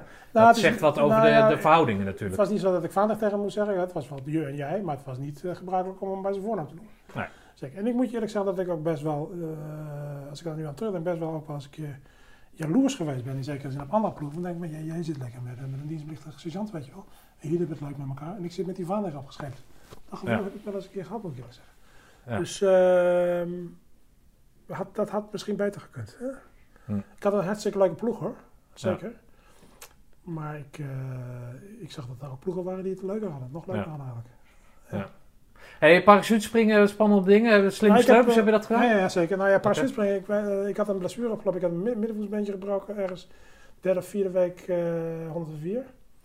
Eh, toen de springopleiding begon, ik heb toen vier weken eh, gips gehad, drie, vier weken gips, klein scheurtje van mijn botjes gehad. Ik ben toen, een, ik ben toen drie of vier weken ben ik eruit geweest, precies in de periode dat de springopleiding werd gedaan Ja. vanaf peloton. Ik heb niet, samen met die jongen waar ik mee loop ook, hè, Ja. eh, wandel, eh, niet aan de springopleiding van ons eigen peloton meegedaan, maar wij zijn met het andere peloton, met het eerste peloton, Ah, peloton wat na ons kwam, en wij de springopleiding in Po gedaan. Nou, is toch lekker, maar dat dat nog in ieder geval mogelijk Ja, eh, gefaciliteerd werd. Dat is dus natuurlijk fantastisch. Ja, dus wij zijn samen met het eh, eerste peloton naar Po gegaan. En toen wij in Po zaten, heeft ons eigen peloton de, de buitenboord cursus gedaan. Dus die heb ik niet. Ik heb wel de kanoopleiding gedaan, maar niet. Buitenboordcursus? Ja, je hebt de dat? ka- kano buitenboord cursus. Oh ja, ja, oké. de. Ja, ja, oké. Ja. Dus toen ons eigen peloton die, die, die week eh, de buitenboordcursus heeft gedaan, zat, zaten wij, ja zo heet dat hè, Ja. zaten wij Nee, wij zijn weggestuurd, dus vandaar dat ik Oh. even moet lachen. Ja. En wij zijn toen in Poog geweest, dat vond ik ontzettend eh, gaaf moet ik eerlijk zeggen. Hè. Dat is, eh, dat denk ik, eh nog wel vaak het hoe, een totaal andere sfeer daar op zo'n Franse kazerne natuurlijk. Ik heb geen idee, ik ben nee, niet in Frankrijk nee, nee, nee, maar dat was wel bijzonder. Ik vond het, het was gewoon heel gaaf om te doen, want je sprong daar natuurlijk maar mooi weer. En, ehm, eh, en, en- en dan zie je die besneeuwde Pyreneeën-top eigenlijk, hè, want dat was ergens in ja, mei of zo denk ik is dat geweest. Ik weet niet meer precies in welke maand. Maar in ieder geval kan me herinneren dat je dan sprong daar uit eh, die Transalpen springen de Fransen mee. Die springen niet met de Friendship. Dat is wat ik gehoord heb. Het enige verschil is dat het de andere kant is. Ja, je springt dan aan de andere kant. Ja, dat dus dat, hele geneuzel om, om, om, om de ingang ergens anders en dan ja, heb je Ja. een veel mooiere wink. Ja, klopt. En, je- en je zit natuurlijk lekker in Po. Ja, en je het is wel. Dat is hartstikke leuk hè. En daar, daar, daar, daar was de, de, de aal was mee, de Amersnier was mee, sferen. Dus we hebben toen ook een uitstapje gemaakt naar, kan me nog goed herinneren. Oh, wat leuk. een foto van. werk. Nou, we zijn ook in Lourdes geweest toen. En, eh, Met hem, met hem. met hem in Lourdes. We hebben Oh, een wat foto leuk. hartstikke geinig. En eh, ik vond het een hele leuke... eh, dat Oh, dat geeft wel extra cachet Ja, aan, was aan het gebeuren. Hartstikke mooi was dat. Ja. Dat vond ik eigenlijk een hele leuke... ja, voor die springenbladen vond ik hartstikke leuk. was gaaf. Ik vond het mooi te springen, moet ik zeggen. En natuurlijk wel bijzonder dat je gewoon uit zo'n vliegtuig stapt, hè. Ja, nee, tuurlijk. Ja, ik verwonder me nog eh, steeds over als ik een vliegtuig zie, zie vliegen. Ja. Tegenwoordig zie je dat niet zoveel meer. Maar verwonder ik me nog steeds. Ja, Ja, toch? Maar dat heb ik met de fiets ook. Ik ben Ja. gewoon niet technisch, dus eh, Ja. ik, ik verwonder me nogal eh, over allerlei dingen. Maar goed, springen hoort daarbij. Slimme streupers heb je gedaan. Eh, en, en, en, maar hoe, hoe, in welke gemoedstoestand was jij dan? Want je weet dat het op een gegeven moment eindig is. En dat er dan... Ja, we hebben slimme een vervolg, slimme moet hebben wij komen. gedaan in december. Hè. Dat was verschrikkelijk koud. Ik kan me herinneren dat we echt in de sneeuw hebben gelopen daar. En met, nou, echt heel koud hebben gehad. Moet ik eerlijk zeggen. Nou, die slimme strijpers was met Suzanne de Wang. Hè. Die kent iedereen natuurlijk wel. Ja, wij hebben geen slimme Oh, je hebt gehad. geen Dus, nee. Nee, nee. Nee. Nee, dat is een, eh, een oefening. Die, die, er zit een exfiltratiegedeelte in en een survival gedeelte. Er zit ook een krijgsgevangene ondervraging zit erin. Ja, dat is gewoon een hele dynamische, gave, studie, gave cursus. Ja. Gave oefening. Met, met kou, waar eigenlijk alles in zit. Hè? Waar je zelf je, je slaapzakje moet, moet, moet maken. En je krijgt dan een, hè, je moet een, een konijn slachten en eh, je moet suikerbiet eten van alles. al. Ja, dat is hartstikke leuk. En, eh, maar, ehm, eh, Het suikerbiet ja, ja, heb ik hartstikke leuk. Ja, wat, wat, wat herinner ik me van die cursus dat het wel eh, eh, ja, koud, koud was met name. hè. Ja, ja. En, eh, maar ook gewoon, eh, weet je, ik vind het gewoon, dat heb ik nu nog steeds, ik vind het heerlijk om buiten te zijn, weet je. Ik vind het zalig en dan kan me herinneren, je bent gewoon buiten altijd. Dat Ja. is eigenlijk in je hele diensttijd zo, je bent gewoon eigenlijk de hele dag lekker buiten. Ja, dat is, vind Eh, maar goed, dat, dat sluit een beetje aan op dat roeien natuurlijk. Dat roeien Ja. doe je ook. Ja, je kan het ook binnen doen. Maar in ieder geval, het is ook een team. Het Lekker is, het is het, Ja, dat het, de, eh, de, de, het trotseren, de, de, Ja, noem je dat? Elementen, te Elementen trotseren, eh, samen, met z'n allen één kant op. Dus dat sloot kant. een beetje goed ik. aan. En dat bleef, bleef zeg maar voor langere tijd is dat jouw, nou, jouw Dingetje. ding geweest. Dus Ja, kennelijk. ja, ja. Maar goed, op een gegeven moment komt die burgermaatschappij dichterbij. Je hebt net twee, twee Ja. jaren, nou dat hebben we al dertien keer gezegd. Maar in ieder geval, Ja, nou ja, weet je, ik had het des- dermate goed naar mijn zin in Roosendaal. En ik had eigenlijk niet echt een, een, een plan van, eh, wat moet ik nou eigenlijk? Weet je, ik, had, ik wilde eigenlijk wel... ehm, ik heb geneeskunde altijd een ontzettend interessante studie gevonden. Hè, maar ik, ik, ik, ik, ik, ik heb me altijd af laten schrikken door, door het feit van... Dat is een hele moeilijke studie eh, met heel veel... eh, Hoezo dan? Je hebt toch gymnasium gedaan? ja, maar toch nou, heb ik altijd... Dus ik had, nou, dat is moeilijk en dat lukt me niet. Dat is een loting en dit en dat. Dan laat ik dat maar even niet doen. Dus eh, ik, ik had toen in mijn dienst... Dus hoe zeker je over jezelf bent, heb ik dat altijd heb je dat gedacht als... van, eh, als weet je, dat, dat, dat Ah, eh, grappig. heb ik altijd, al, eh, daar heb ik wel eens een uitdaging gezien. Van, hè, moet. Ik moet zorgen dat ik ingelood word, dan moet je ook nog eens een keer die, die studie afronden en dergelijke. Dus maar kwam dat omdat je al lange tijd niet met je hersens bezig was dan? Ja, denk, ja, dat heeft er denk ik Ja? ook mee te maken, ja. Ik heb zeker in mijn middelbare schooltijd wel, eh middelbare schoolperiode wel aan geneeskunde als studie eh, gedacht. Absoluut, maar eh, nooit echt de stap durven te nemen om ook daadwerkelijk aan de lotingsprocedure mee te doen en ook echt te beginnen met de studie. Vandaar dat ik ook rechten ben gaan doen. Want ik dacht, nee, geneeskunde, dat lukt me toch niet. Dat is te moeilijk voor mij. En, Grappig. eh, gek eigenlijk. Hè? Dat, dat, Ja. eh, aan de ene kant zou je denken van, heb je die, die bulk van het zelfvertrouwen. Maar aan de andere kant durfde, dat niet, eh, durf, durfde ik dan kennelijk op dat moment niet. eh, Sterker nog, dan denk je zelf aan, zelfs aan een verlenging van, van datgene wat je op dat moment natuurlijk leuk vindt. Maar Ja, want ik dacht op een gegeven moment, weet je, ik vind het hier gaaf. Eh, weet je, waarom blijf ik niet gewoon lekker eh, bij het KCT? Ja, er waren jongens die dat deden. Dat, dat, dat, dat sprak me eigenlijk wel aan, moet ik eerlijk zeggen. En Dus- in welke functie gingen zij dan door? Was dat ja, toen al duidelijk? dan- die werden dan dienst- dienstplichtig ploegcommandant eh, of, of eh, beroeps, eh, KVV'ers heette dat Ja, oh ja, ja, oké. Zo vier jaar eh, Ja, en ik denk er een paar jaar bij en die bleven dan gewoon in, in, in een peloton eh, functioneren gedurende een aantal jaar. Eh, dat, zag- dat moet ik eerlijk zeggen, dat zag ik wel zitten, maar ik, moet- ach, ik denk ook dat dat ook een eh, eh, dan maar dat is geweest. Ja. Weet je, dan maar dat, weet je wel. Ik vind het heel gaaf. Ik vind het ook. Maar, Dat is toch gek, want Maar- je, hebt, je, hebt, je, bent, je bent begiftigd. Dus, ja, begiftigd klinkt alsof je een soort Jezus bent. Maar met allerlei kwaliteiten. En dan, dan en je Ja, komt nog uit dat een beschermd gezin. En je hebt godverdomme ook nog gymnasium gedaan. En dan word je beroeps. En niet dat het, hè, niks Ja. te nadelen van beroeps, maar het is maar ik denk in echt dat een eh, dan, ik denk dat op, dat moment dat ik in dat, in dat, in dat traject zat van wat moet ik nou eigenlijk, hè, van, eh, zal ik nou hier blijven, echt gewoon een soort verlegenheids, eh, hoe noem je dat ook weer, een soort verlegenheidsbesluit is geweest van, ja, dan maar dat, hè, dan maar Hm. dat, maar wat moet verder. Dus toen ben ik naar commandant 104, hè, ma- major Alsemgeest, gestapt op een gegeven moment. Eh, een man die ik, eh, waar ik gewoon ontzettend veel respect voor, voor had. Van, eh, omdat ik, in- ja, ik, ik, herkende, ik herkende in hem iets van mezelf op een of andere manier. Een soort ehm, eh, van ik ben hier wel, maar het is toch misschien niet helemaal mijn, mijn wereldje. Weet je wel, zoiets, zoiets dergelijks. Weet ik, het was gewoon iets, ik, ik voelde gewoon een, weet je, ik dacht als ik het aan iemand moet vragen, waar moet, moet ik nou verder? Moet ik bij hem zijn. Zo vat ik het denk ik samen. Maar hij stond zo dicht op jullie dat jij... Maar voor mijn gevoel wel, ja, absoluut. Oké, maar waar, waar vertaalde zich dat dan in? in Nou, dat, dat, kwam die langs op de kamer of zo? ook- Of, eh, Ook dat, maar dat, is, dat vind ik moeilijk te zeggen, maar dat, dat, dat is, dat is een, meer een soort gevoel wat je bij iemand hebt. Hè? Het is niet altijd even makkelijk. eh, middels, eh, door middel van concrete voorbeelden. te nee, maar je hebt mensen die natuurlijk die je hoog acht, maar Ja. die je weet Die die niet bereikbaar zijn. Nee, maar voor, hij, ik, ik vond, hij, hij, had, hij was voor mij in ieder geval uiterst bereikbaar. En, en ik had ook, heb, had groot respect van hem. Ik zag hem echt, nou, weet je, voor- voor een soort voorbeeldfunctie voor mij. Hm. Een soort, eh, dus ik ben naar hem toegegaan. En ik heb gezegd van, eh, nou, wat mijn dilemma op dat moment was.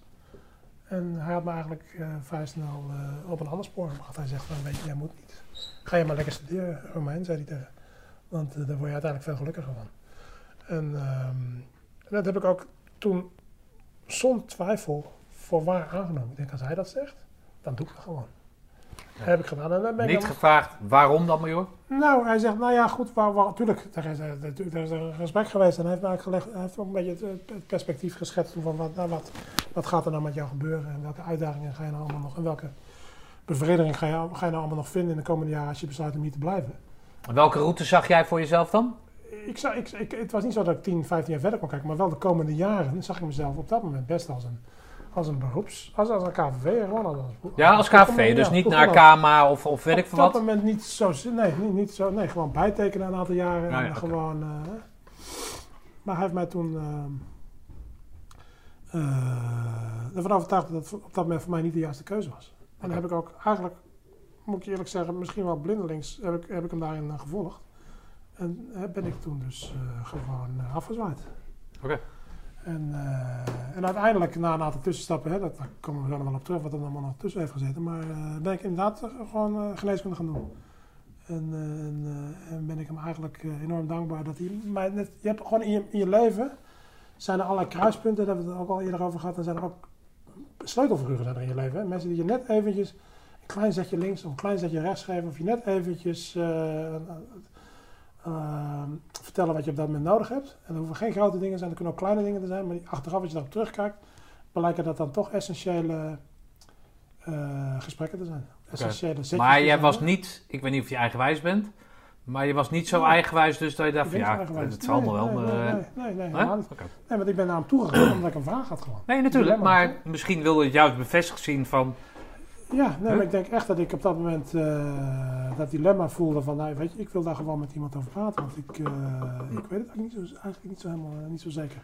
Oké. Dus eh, zo heb ik dat toen gedaan. En, Maar goed, en dan, dan ga je dus voor het laatst die, die poort door. Wat, wat, wat spreek je af met die, met die kerels die dan da- tot, tot dat moment, nou ja, toch 14 maanden bij je...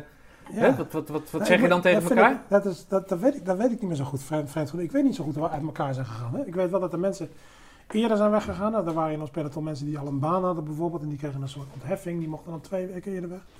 Of drie weken eerder weg. Eh, ik weet wel zeker dat er best nog heel veel contact is geweest in de weken na afzwaaien met elkaar. In grotere en kleinere groepjes. Maar dat er nou echt eh, een, een groot afscheid is geweest. Nee, maar jij moest Eh, bijvoorbeeld niet huilen of zo, omdat je... Omdat nou, je... nee, dat kan ik me niet herinneren. En, eh, we hebben natuurlijk wel een soort, met het peloton een, eh, een soort afzwaaifeest eh, gehad, absoluut. Waar de nodige drank eh, gevloeid eh, heeft en, en dergelijke. Natuurlijk is dat gebeurd. Maar dat we nou echt elkaar eh, huilend in de armen zijn gevallen en we zien elkaar snel weer, dat kan me niet herinneren. Het is een beetje, we zijn uit elkaar gegaan. En heel veel mensen heb ik pas bij de reunie weer, de eerste reunie, Oh ja, ja. weer voor de eerste keer gezien, weet je wel. Oké. Dus, Maar de- dit zijn geen sub, subgroepjes ontstaan... Jawel, er zijn wel subcaps. Er zijn een paar jongens waar ik altijd contact mee ben blijven houden. Absoluut. Hè? En bijvoorbeeld de jongen waar ik mee loop. Maar zo zijn er nog wel twee, drie jongens waar ik altijd toch met kortere en langere tussenpozen steeds eh, contact mee ben blijven houden. Telefonisch of langs gaan of elkaar nog eens even zien of eten. Of, zeker, absoluut, zeker. Maar de grote groep is best wel een beetje uit elkaar gevallen. Oké. Maar wel weer bij de reunies weer bij elkaar gekomen. Maar op die reunies is, is iedereen dan ook aanwezig? dat of vind ik- groot ja, deel? wij zijn met een grote groep altijd aanwezig. Want we zijn dus, Oké. eh, mo- ik- exact het getal ben ik even kwijt, maar ik denk dat wij met 35, tussen 30 en 35. Ik denk dat er 25 man zeker op die hele wereld is. Dat is best heel veel. Dat is een hoog, Ja. eh, hoog eh, eh, gemiddelde, ja. zeg maar. En Als als je ik dat- ook op de lijst kijk, want ik heb nog een, een lijstje met, eh, met, eh, met de namen van het peloton. De meeste die zijn er eigenlijk altijd wel. Er zijn nog een paar die uit het oog hebben verloren. Maar de meeste zijn er eigenlijk altijd En wat, ja, het vraag van niks, maar tijdens een reunie ga je dan bij die kerels staan die je altijd ziet? Of de- waar je altijd komt? Of ga je. Nee, ook andere dat- mensen... Ja, dat vind ik een goede vraag. Dat is grappig, want eh, je hebt natuurlijk in je peloton niet, niet met iedereen dezelfde relatie. Hè? Nee. Het is grappig dat er, in de dat, dat er tijdens de reunies eh, contacten zijn ontstaan met, met jongens uit mijn peloton. Waar ik tijdens mijn dienst eigenlijk helemaal niet veel contact met hadden. Ja. En dan blijken dan toch eigenlijk hartstikke leuke te zijn. Oké. Dus daar ben je Ja. niet, maar daar ben je niet naar op zoek gegaan dan? Dat, dat, Nee, dat overkomt je dan of zo? Overkomt je, ja. Of overkomt jullie dan? Want het is niet alleen jou natuurlijk. Oké, en daar zijn daar nieuwe contacten uit ontstaan die je daarvoor dus niet had? Nou, niet zozeer nieuwe, maar het is wel zo dat, dat bepaalde contacten meer diepgang hebben gekregen. Ja, ja, oké. Maar ja, het is natuurlijk nu makkelijker, dat hoor ik natuurlijk altijd. Vanwege die, die, die, die nou ja, de, de, de, de groep apps. En, en Ja, natuurlijk. hè, dat ja. maakt het een natuurlijk pe- We hebben ook makkelijker. een pelotons app, hè, nog Ja, of de hè. pelotons app, Ja, ja. die hebben alle pelotons waarschijnlijk, Ja. dus dat hoop ik. Maar wij in ieder geval, we hebben best een hele actieve pelotons app. Waar natuurlijk van alles en nog wat in wordt gedeeld. Ja, En, eh, oké. Er zijn natuurlijk vaak eh ondeugende filmpjes, hè, om het zo maar te zeggen. Ja, maar ook oké. gewoon eh, felicitaties en, en Gefeliciteerd, nieuwjaarswensen. Nou ja, Ja. dat is ja, Ja, gefeliciteerd. oké. Hey, dingen. en wat noem, kan jij beschrijven wat jouw functie, nou niet zozeer jouw functie, maar jouw positie binnen het peloton was en hoe Ja. die eh, zeg maar door de jaren heen veranderd is? Of, of hoe mensen jou zien? Of ja, misschien vind je dat helemaal niet belangrijk hoe mensen je zien, maar probeer het toch eens voor mij. Nou, ik denk wel dat ik, ik, ben, ik denk wel dat ik even een eh, even een rustige mensen in het peloton was. Hè. We hebben natuurlijk, eh, je hebt natuurlijk eh, altijd een paar schreeuwers ertussen, die hadden wij ook. Hè. En je hebt dat, dat, dat, ja, je hebt, Noemen ze schreeuwen? Eh, nou, we hadden, nou, we hadden een paar ondeugende jongens erin zitten, hè, zoals Gossen van der Zee bijvoorbeeld, ik noem maar even Peter van der Water. Er waren jongens die echt wel eh, de randjes opzochten ook, hè. In de, Het had niet zozeer te maken met het eh, fluïde achternaam die ze hebben dan? Of, eh, nee? dat, dat kan wel. Ah, oké. En dan heb je natuurlijk altijd een paar, hè, weet je, dat is in elke groep, je hebt altijd een paar meelopers natuurlijk, hè, mensen die daar achteraan. En dan heb je natuurlijk, en ik, het is niet zo, ik, ik, ik, ik ben niet iemand die graag op de voorgrond eh treedt, weet je. Ik, Ik ben gewoon echt een waarnemer verkenner. Echt een waarnemer eh. nee, maar ik ben, ik ben vrij rustig. ben, weet je, ik, ik, doe, ik doe mee, maar ik hoef niet voorop, voorop te lopen. Weet je. Ik hoef niet Oké. eh, vooraan te, te staan schreeuwen.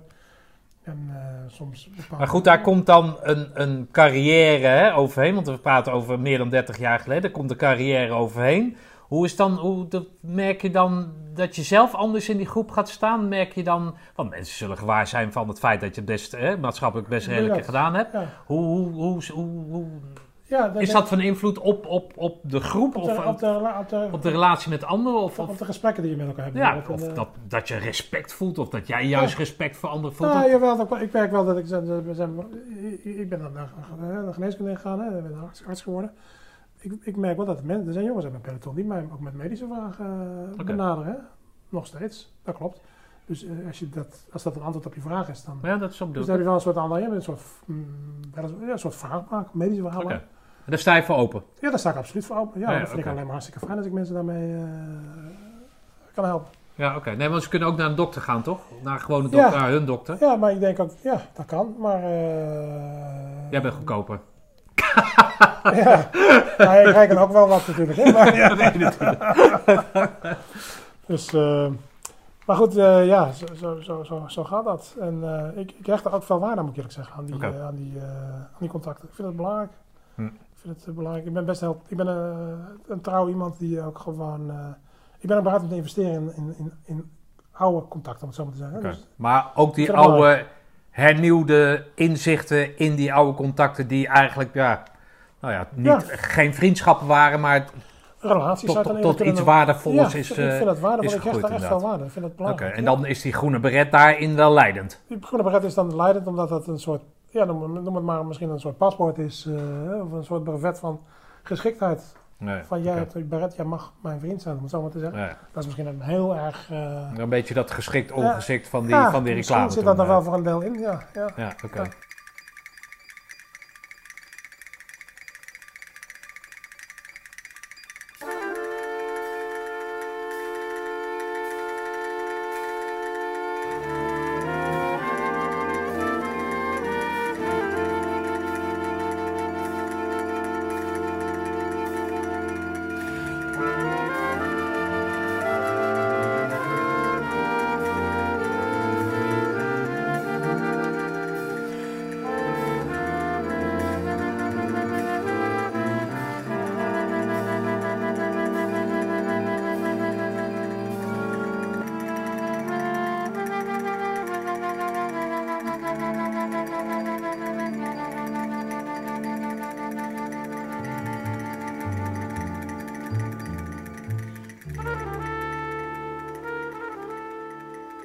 Hey, eh, maar goed, dan, dan sla jij dus rechtsaf eh, richting station, omdat je dan eh, als laatste de keer de, de, de, de poort achter Ja. je sluit. Ja.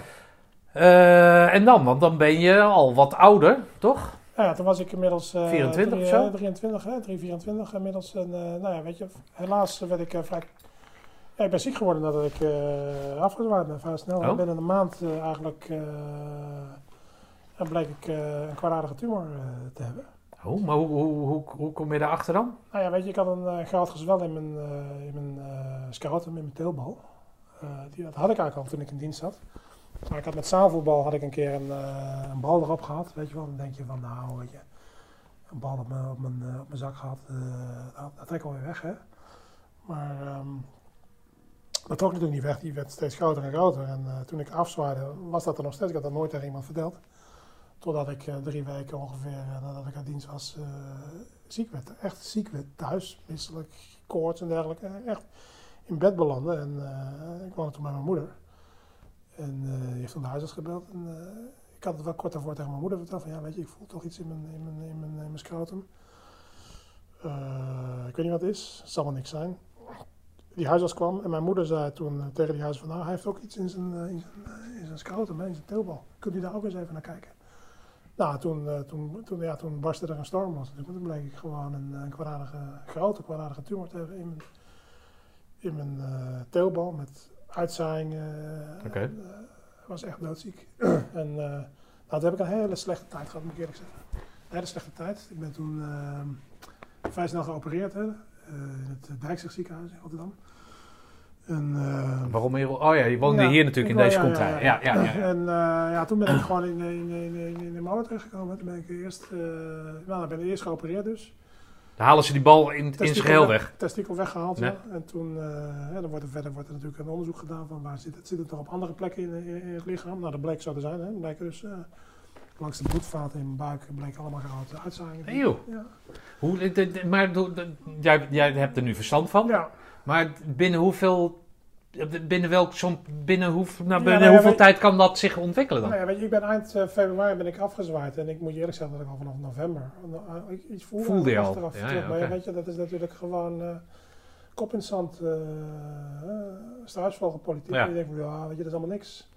En dan gaan we weer over. En Nou, dat eh, zullen wel meer mensen hebben, toch? Meer mensen en hebben dat. Zeker als je een jonge vent bent. En, en nog eens een keer extra, want als ik extra meespeelt erin, is dat je gewoon eens een keer jezelf natuurlijk fantastisch vindt. Hè? Je denkt, maar wat, wat kan mij nou gebeuren met die beret op? Hè?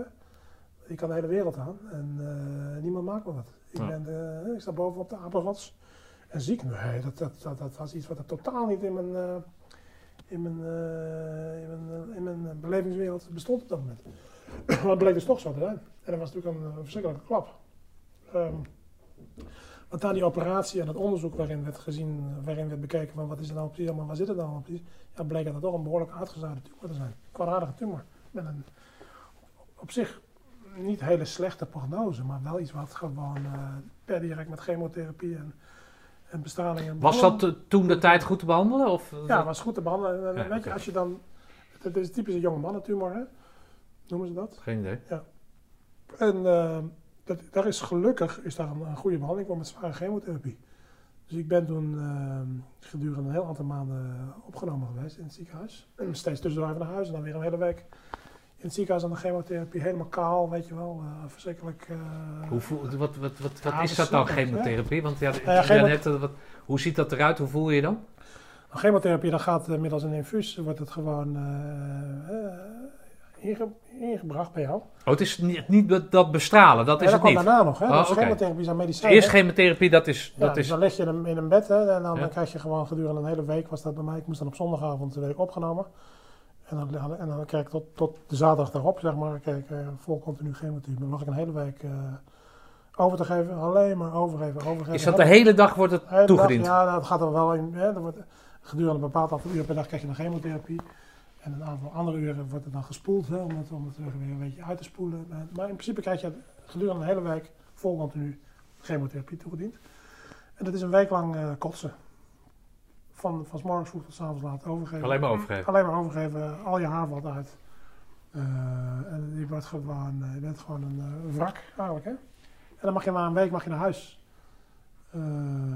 En dan mag je thuis op krachten komen. Ik was net eigenlijk een beetje terug, als ik terugkwam uit de ECO, was dat terugkomen van de chemotherapie. eh, Dan ging jij ook nog de hele kroeg natuurlijk. Ja, ja. uiteraard. Nee, natuurlijk. We kennen dat verhaal. Nee, dat waren- Even de contact Ja, dat opbouwen. ook- Je hebt ook goede ja. vrienden die je wil, graag willen Dus, zien.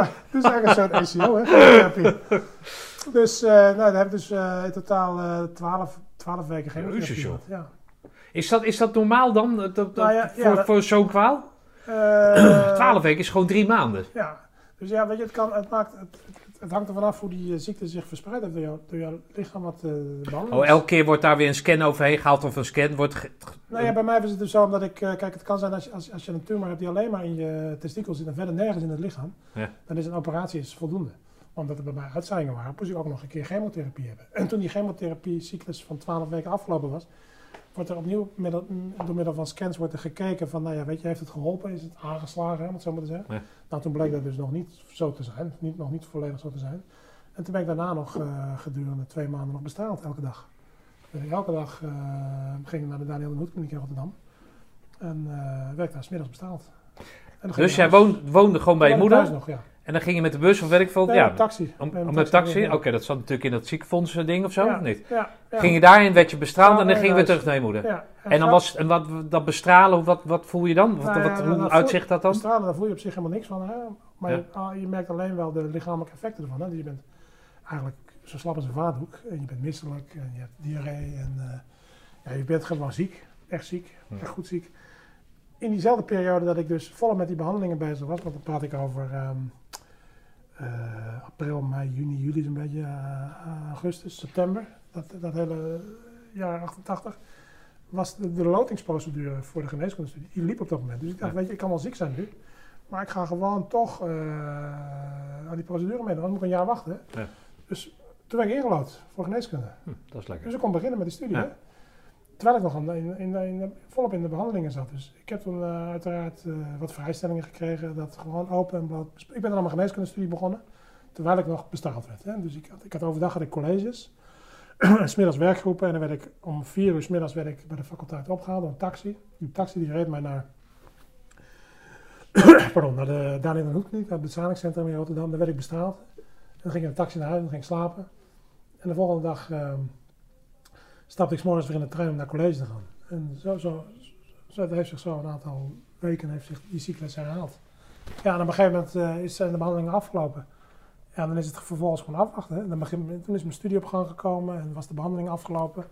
En dan is er in principe een hele spannende tijd van, ja, blijft het weg, hè? Want de behandelingen zijn na chemotherapie en bestralingen toch eh, succesvol geweest toen bij mij ook. En, eh, en het is eigenlijk eh, goed gegaan gelukkig. Hè. Je wordt dan in, in- afhankelijk word je elke maand word je gecontroleerd. Dat, in, in intervallen die, die, eh, die steeds worden dan steeds wat langer. maar uiteindelijk word je in totaal vijf jaar word je gecontroleerd. Bij mij was het zo, nu is het zo dat jongens die ehm, eh, zo'n tumor krijgen, en dat gaat allemaal super snel hè. Maar Want het, krijgen, het verkrijgen van die kwaal bedoel je? Nee, maar als je eenmaal de diagnose wordt gesteld bij jou, van hé, je komt Ja. in het ziekenhuis, ik heb wat, door de bank genomen, zodat je binnen een dag geopereerd wordt. En, Ja, oh Heel- zo. Ja, ja. Maar Maar dat je- komt door de verbeterde technieken en Ja. zo. En, maar er zit ook een ander aspect aan, want je wordt een, te- een teelbal wordt er verwijderd. En je krijgt chemotherapie en radiotherapie, dat heeft een enorme effect op jouw vruchtbaarheid bijvoorbeeld. Hè? Dus nu wordt er bij jongens altijd eh, zaad ingevroren, hè? dus die moeten dan zaad ja, ja, afstaan ja, voordat de behandeling Oh, begint. ja. Ingevroren. Was dat toen niet? Nee, dat was het niet. Dus tegen mij is toen gezegd van ja, weet je, shit, dat, dat is allemaal een beetje daarbij ingeschoten. Dus dat tegen mij, we hebben, sorry, we hebben geen, geen zaad van jou ingevroren, maar we moesten eh, in het kader van de uitgebreidheid van de ziekte snel, snel beginnen. En ja, dat is toen niet gebeurd. Ja, dus met andere woorden, je bent eh, jammer, joh, je bent onvruchtbaar geworden door deze behandeling. En eh, je zult geen kinderen krijgen, helaas. Sorry. En dat gaat niet lukken. Nou ja, goed, kijk hier in huis rond. Ik heb drie kinderen. Ja, ga hem nou niet verklappen. We zouden ze toch op laten komen. Maar Superman heeft er toch voor gezorgd. Nee, maar dat blijkt dus eigenlijk... Maar hoe, hoe, hoe, hoe, want je bent daar natuurlijk helemaal nog niet mee bezig met kinderen. Ja, maar goed, je het- doet wel geneeskunde, Ja, dus je hebt er wel enige affe- affectie mee. Ja, Ja, natuurlijk was ik daar maar wel mee bezig. Maar Simone, waar ik mee eh, samen ben, die, die- wij waren helemaal jullie waren al een koppeltje natuurlijk. Ja, Ja, en wat, en wat kijk, als, als, als, als op een gegeven moment gezegd, nou ja, goed, de behandelingen zijn afgelopen, je hebt een litteken en je hebt, eh, ik heb ook allemaal tatoeages op mijn lijf zitten van de bestraling en zeggen we, eh, kijk, op een gegeven moment zoiets van, nou ja, weet je, als dat het enige is wat ik aan overhaal, ik ben een testikel kwijt, ik heb wat littekens en wat tatoeages, prima, dan kan ik ermee leven. Het feit dat ik wellicht ook nog een keer onvruchtbaar ben, Ja. en wat dat voor effect heeft op mij voor de, voor, mijn, voor de rest van mijn leven, ja, dat, dat is best wel een item. Dus Ja. daar ben ik dan, ondanks het feit dat er misschien niet op dat moment echt acute kinderwens was, wel heel erg mee bezig geweest. Hè? Ja. Dus na een aantal jaren hebben we het ook een vruchtbaarheidsonderzoek laten doen. Dat er er toch wel iets van vruchtbaarheid te zijn. Iets, iets. Maar goed, het feit dat, dat er tegen mij werd gezegd van ja, je bent eigenlijk eh, onvruchtbaar. Zijn wij bijvoorbeeld met voorbehoedsmiddelen eigenlijk, daar zijn we nooit mee bezig geweest. Want we hadden altijd, altijd zoiets van, weet je, je kan toch geen kinderen krijgen door die behandeling. Hm. Daar hoef je daar ook niet zo voorzichtig mee te zijn. Totdat Ja. Simone toch uiteindelijk eh, gelukkig eh, onverwacht zwanger werd. Maar jullie, hadden, jullie- hadden jullie dus eigenlijk al bij neergelegd dat jullie geen kinderen zouden Ja. kunnen krijgen? Zeker. Ja, is dat, is dat, was dat echt zo van... ja, dat was eh, echt, weet je, dat... waren jullie al in de oriëntatie naar andere, andere Nou, mogelijkheden? Kijk, ik was natuurlijk jong, jong hè. Ik was toen eh 24, 25. En ik moet je eerlijk zeggen, dan ben, ik was net met de studie begonnen. Het was niet zo dat we toen op dat moment... Al, al, nee, maar je hebt wel tien jaar verkering al. Ja, maar het was niet zo dat ik dacht, nou ja, goed, ik wil op mijn 24 wil ik graag gewoon... eh, Nee, tuurlijk, maar omdat je, kijk, als jij nou die IT zat, zou je er wat minder bewegend zijn, denk ik. Ja. Of je moet natuurlijk ontzettende eh, gezinswens hebben, maar Ja. omdat je dus, de- de- ik denk dat het ook wel voor die studie was het toch eigenlijk ook wel, nou niet een pre, maar was toch ook wel, dat je een aandoening had die binnen, de, binnen die gezondheidszorg lag. Zeker, nou ja, Gaf jou dat iets meer cachet? Ah, daar heb je. Ja, dat klopt inderdaad. Dat is op zich wel grappig, hè, want ik was natuurlijk helemaal kaal van de chemotherapie. En ik, eh, ik kan me nog goed herinneren dat ik op een gegeven moment een eh, werkgroep deed eh, op, op een middag en, bij een oude professor. Dus we kwamen met een groepje binnen en hij kijkt me zo aan. En die professor die zegt, god, ik wist, niet- ik wist niet dat ze bij het koor nog aan, aan, aan kaalscheren deden. Met andere woorden, hij dacht dat ik koorlid was. Ja. En dat ik in het kader van het groening mijn haar eraf had geschoren. Wat zei? Ik heb niet gereageerd. Ja. Nee, nee, nee, absoluut niet. Maar wat ook een bijkomende factor is geweest, ik eh, kijk veel vriendjes van mij en die ook geneeskunde gingen studeren, die zijn natuurlijk lid geworden van studentenverenigingen. Ik heb dat niet gedaan, hè, omdat ik eh A, commandoopleiding had gedaan en geen zin had om mijn eigen af te laten zeiken door jongetjes die eigenlijk nooit wat hadden gepresteerd, maar zich dan wel, omdat ze toevallig al tweede of derdejaars student waren, zich beter voelden dan, dan, dan, dan ik. En mij mocht er een afzeik gezinnen. Het tweede was natuurlijk dat ja, weet je, ik heb gewoon een hele vervelende ziekteperiode door moeten maken. En ik moet nu eventjes alle zeilen bijzetten om gewoon deze studie succesvol af te ronden. Hè? Ik had er gewoon geen zin in om dit te worden eigenlijk. Ja. Simone was toen ook eh, inmiddels eh, bijna klaar met haar middelbare school. We zijn toen eigenlijk vrij snel samen gewonnen. En, eh, en toen, toen met die bagage van de, van de commandoopleiding, maar met name ook mijn ziekte en de, en de, en de onzekerheid rondom vruchtbaarheid, zijn we toen gewoon, ja, is er een fase in mijn leven gekomen van relatieve rust. Studeren, samenwonen. Ja, het heeft heel veel overeenkomsten met, met, eh, met Frank, ehm, sportarts die ik geïnterviewd heb. Die kwam ook op vrij late leeftijd uit dienst. En die, ja, die had zoiets van, ja, ik moet gewoon, ik kan, kan me die frivoliteiten, hè, dus ook dat, dat niet dat, dat koor, maar die frivoliteiten kan ik me gewoon niet Nee. eh, veroorloven, want Ja. ik ben al wat ouder, ik moet aan de bak. Ik heb geen tijd. Nee, ik heb geen tijd. Klopt. Dus studeren, studeren, studeren. Ja. En zo snel mogelijk proberen. En ook vroeg samenwonen, vroeg kinderen. Nou, Ja. hij dan wel. Ja. Dus dat is wel grappig om dat... eh, om dat eh, om Klopt, die, helemaal. ja. Ja. dat is bij mij ook zo gegaan. Maar goed, je, toen heb je doorgezet heb in, doorgezet. in die studie. En toen ben ik doorgezet, ben ik in het tweede jaar dat ik studeerde. Toen ben ik eh, gaan werken in het ziekenhuis. Hè. Dus op alle afdelingen in het ziekenhuis, eh, daar werken studententeams, zoals dat heet. En eh dat zijn gewoon studenten die als bijbaantje, s'avonds en in de weekenden, als verpleegkundige op een, afdeling werken. En ik ben toen gaan werken op de afdeling waar ik zelf behandeld ben. Hm. 10 Noord was dat de urologie. Hè? Grappig. Dus ik heb dan eigenlijk heel mijn studententijd gewerkt op de afdeling waar ik zelf als patiënt had gelegen. Het grappige was dat ik in Bewust? bewust, bewust zeker. Ja. Wat, En- wat en- zocht je daar dan? Weet ik niet. Ik denk misschien eh, gewoon eh, de frontale aanval. Van ik stop het niet weg, ik ga er vol tegenin. Ja. jongens. Ik ga gewoon werken waar ik zelf... eh, had, je daar, had je daar, het, het, afgezien van het lichaam, maar had je tussen je oren ook nog problemen met... met, met dat zat zal vast, toch? Ik had, een, eh, ik had een oncoloog, die had een splinter. En die heeft bij mij precies de juiste snaar geraakt. Dat was mijn behandelaar op dat moment. Die wist misschien dat ik eh commandoopleiding had gedaan. Of die wist misschien, die had misschien mensenkennis. En die heeft mij ingeschat op een bepaalde manier. Die heeft tegen mij gezegd, hè, we hadden het net even over sleutelfiguren. Als we het over Alzheimergeest hadden. Maar die splinter ook, die, heeft tegen mij, die keek mij aan. Toen de behandeling begon, die zei van mij jongen, het is een gigantische berg waar je overheen moet. Maar eh dat gaat helemaal goed komen. En ik geloofde hem toen hij dat zei. Echt waar. En eh, ik heb er ook nooit aan getwijfeld, moet ik eerlijk zeggen, dat het niet zo was. Achteraf, met mijn, de medische kennis die ik in al die jaren dat ik eh, gestudeerd heb en werkzaam ben geweest, weet ik dat het misschien niet helemaal eerlijk is geweest dat hij tegen mij gezegd want dat, het helemaal niet zo zeker was dat ik het allemaal zou redden. Maar hij zei het ook. Maar wel mooi. En hij wist gewoon, Ja. op- ik denk op basis, misschien toeval, dat weet ik niet, of misschien heb ik het geromantiseerd, dat weet ik ook niet. Maar hij heeft dat, op dat moment bij mij gewoon de juiste snaar geraakt. Hij heeft gewoon precies, precies de goede dingen uitgesproken. Hm. En hij heeft gewoon gezegd van, jee, dat komt helemaal goed. En ik geloofde hem. Maar zat jij dan, afgezien van het feit of je dat nou wel of niet vertelde, je er trots op was, bracht je dat naar voren dat je groen op red was? Nee, Dus die splinter in deze, ja. die, die, nou ja, waar je het over hebt, levenservaring of levens, hoe noem je dat, de mensenkennis. Hij heeft dat zo ingeschat ja, dat oké. de, goede, de goede benadering was. Maar ondanks dat je het niet zei, had je zelf wel iets van, ja joh, jochie, kom op nou, je hebt voor zwaardere vuren staan? Ja. Of, ja? is dat zo? vuren, Ja, Of hetere vuren, maar, Ja, dit, dit, dit, dit, dit, is toch niet te vergelijken met welke ECO dan ook, wel? Dit is toch, toch Ja, mag ik... wel, toch of niet? vraag. Ah, dat weet ik niet. Nee, Wat? nou, Nou, nou, nou, ga, nee, ga nou niet... nee, maar nee, ga je mij- ga, jij, ga jij vertellen dat de ECO zwaarder was dan die drie maanden kotsend, weet ik wat? Ik, eh, ik moet eerlijk zeggen dat ik daar niet eh, zomaar ja of nee op kan zeggen. Nee, maar jij weet wel te vertellen dat jij wist in de ECO dat het een spel was. En, en, het, en, en het verschil tussen die ECO en jouw ziekte is dat je bij die, bij die ziekte zeker wist dat het geen spel was. maar wat ik bij die ziekte wel zeker wist, dat het goed zou komen. Omdat, Ja, dat oké, ja. Oké. Dat wist ik wel. En achteraf is dat misschien niet eh, reëel geweest om dat te denken. Hè? Want achteraf Ja. gezien was dat natuurlijk helemaal niet zo. Had het ook helemaal fout af kunnen lappen.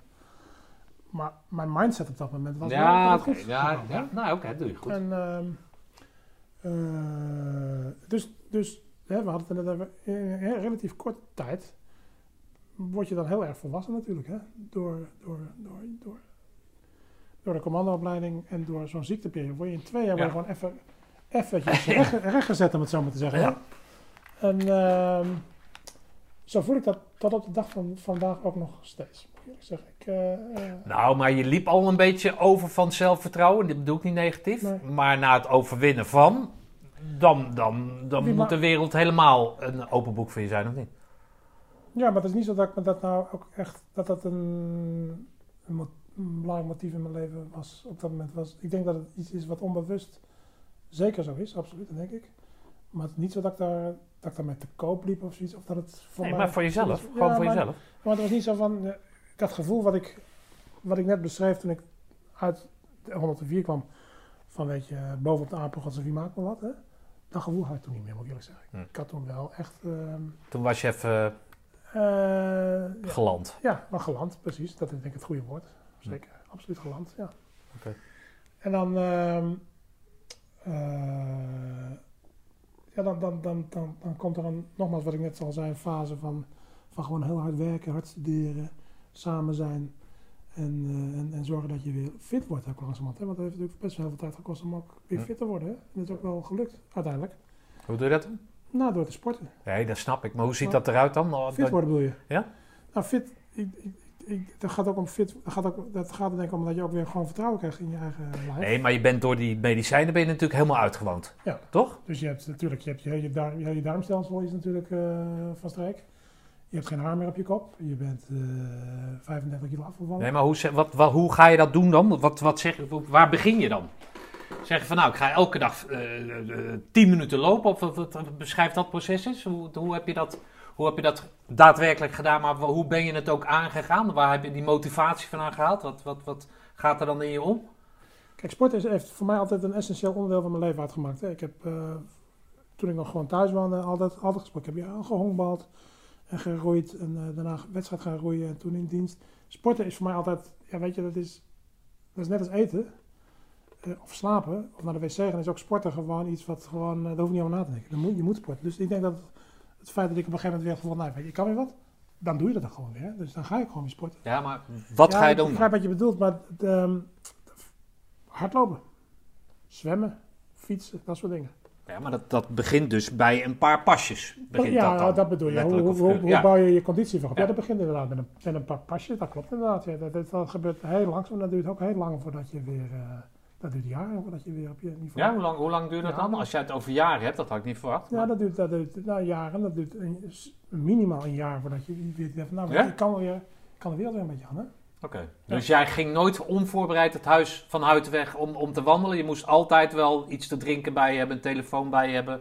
Weet ik, omdat je niet, die, die zekerheid die je vroeger had van dat fysieke, die Ja. had je dus niet meer. Die ben ik wel een tijd kwijt geweest, dat klopt. Ja, oké. Ja. Dus dat was altijd plannen van wat, hoe, waar gaat ja, joggen heen, wat dus ga ik doen. altijd lopen, hardlopen met een, huis, met een huisgenoot en Ja, ja, ja, Jasper oké. die dan hè, Nou, ja, goed. Dus je was Ja, heel bewust was je ja, bezig om, ja. om terug te komen. Alleen sporten deed ik eigenlijk niet in die tijd. Ah, oké. nee, nee, dat klopt. Nee, het was altijd samen met andere mensen. Oké. En wanneer kreeg je weer het gevoel dat je, dat je er lichamelijk in ieder geval was? Ik denk na een jaar ongeveer. Hè, dus eh, op een gegeven moment, weet je, je komt in het eerste studie dan, dan, dan, dan eh, zo'n eerste studie wordt ook afgerond met een propenduizen diploma. Ik denk dat dat, zeg maar, een jaar nadat de behandelingen afgerond waren en eh, ik ook een jaar gestudeerd had en ook mijn propenduizen had gehad, dat dat voor mij ook een soort belangrijk punt is geweest van, ja, weet je, nu zijn we een jaar verder. Alles is achter ik voel me weer een beetje fit, nu, nu kunnen we verder weer. Hm. Ik denk dat dat het ongeveer geweest is. Oké. Ja. Maar toen woonden je nog niet samen? Toen woonden we net eh, samen in die tijd. Ah. Simone is toen in die periode dat ik eh, met mijn geneeskundestudie was begonnen, is, Simone nog een periode naar Engeland gegaan. Die heeft als au pair gewerkt daar in, eh, in, in Kent. Seven Oaks heette die plaats. En toen zij terugkwam, toen zat ik, toen was net een beetje, tot de periode dat ik mijn eerste jaar een beetje afronde, zijn we samen gewonnen. Oké. Waar zijn jullie samen gewoond? We zaten in Rotterdam gaan wonen, eerst op de Middellandstraat. Hebben we gewoon een appartement, eh appartement studentenappartement gehuurd. Hartstikke fijn eigenlijk. En we hadden altijd heel veel vrienden, want heel veel vrienden van ons... eh, we hadden eigenlijk een heel druk sociaal leven. Nog steeds, maar dat hadden we toen ook al gelijk. Ja, het komt Om- allemaal uit deze contraien, dus ja, dan... dan eh, ja. allemaal daar naartoe gegaan om te studeren. Ja. Vriendinnen van Simone, vrienden van mij. Als gezamenlijk sport, maar dan ook gewoon... kun je nu in deze, in deze coronatijd niet meer voorstellen. Maar dat je gewoon s'avonds met elkaar naar de kroeg gaat, weet je wel, of wat dat. Dat deden we. Heel druk, heel actief, geen kinderen. Eh, en eigenlijk best heel snel weer, ondanks eh, de zware periode, terug naar een normaal leven. Normaal ritme. En dat wil ik ook heel graag. dat Nee, dat snap ik dat je dat wil, ja. Ik wil er geen patiënt zijn. Ik wil ook Nee. niet... Ik, ik, ik, er is een hele periode geweest dat ik daar nauwelijks met mensen over sprak, omdat ik niet wilde dat mensen mij als, een, eh, als patiënt zagen. Weet. Hm. Natuurlijk waren er, zijn er mensen om mij heen in mijn, studie, in mijn studiegroep die dat weten. Maar ik heb het niet aan de grote klok. Nou, ik heb eh, in, ik weet niet welke aflevering het was, heb ik eh, een pelotonsgenoot van mij, eh, Mark Boost, heb ik geïnterviewd. En die had precies hetzelfde wat Oh, jij ja? hebt. En die na het genezen van en dacht ook dat hij geen kinderen kon krijgen. Ja. Kreeg een, een, en een, een, een zoon en een dochter, of eerst een dochter en toen een zoon. Maar die heeft toen besloten om zich van ja, fuck it, weet je wel, nou ga ik er ook echt van genieten. Dus Ja. die heeft zijn eh, gezin onder zijn arm genomen en die zijn vier jaar de, de wereld gaan rondzeilen Ja. op een eh katamaran. Ehm, eh, hoe zag dat voor jou eruit? Die, Ja. die, die, die reset, of die, nou geen reset, maar de, de, de vernieuwde toekomst? Of Ja. de, de, hoe, hoe Nou, zag dat voor jou eruit? Hoe zag je je leven? Ik dacht, weet je, ik heb, een, eh, ik heb op dat moment een andere mindset als, als die jongen die jij beschrijft. Ik had op, dit, op dat moment zoiets, weet je, ik ben nu ingelood voor geneeskunde. Ik heb, ben ziek geweest. Ik heb het gered. Ik heb een hartstikke fijne vriendin. Nu, doe ik nu is dit mijn leven. Ik, ik, ik, ik ga nu studeren. Ik ga zorgen dat ik dat goed doe. Dat ik dat gewoon binnen de tijd doe. En ik, natuurlijk denk ik ook wel eens hoe gaaf zou het zijn om met een zeilboot de wereld rond te gaan. Of om van alles nog wat te doen. Maar ik had zoiets, weet je, dat komt allemaal wel. Voor de komende jaren ligt voor mij het focus op, op haar. En op mijn studie. En ik wil gewoon nu, ik was toen inmiddels al, ook al 25 of zo. Terwijl de meeste mensen die geneeskunde gaan studeren 18 of 19 zijn. Ik was echt aanzienlijk ouder dan mijn, mijn, mijn eh, studiegenoten. Voor mij, ik heb toen het focus heel bewust gelegd op mijn studie. Ik ben toen gewoon hard gaan studeren. En ik ben ook best heel snel eh, afgestudeerd. Hm. En ik ben toen gaan werken na, nadat ik eh, klaar was bij een... ik heb toen een aantal jaar onderzoek gedaan. Research gedaan. Bij, ook op het gebied van kankerchirurgie. Ja. Ik heb me toen bezig gehouden met,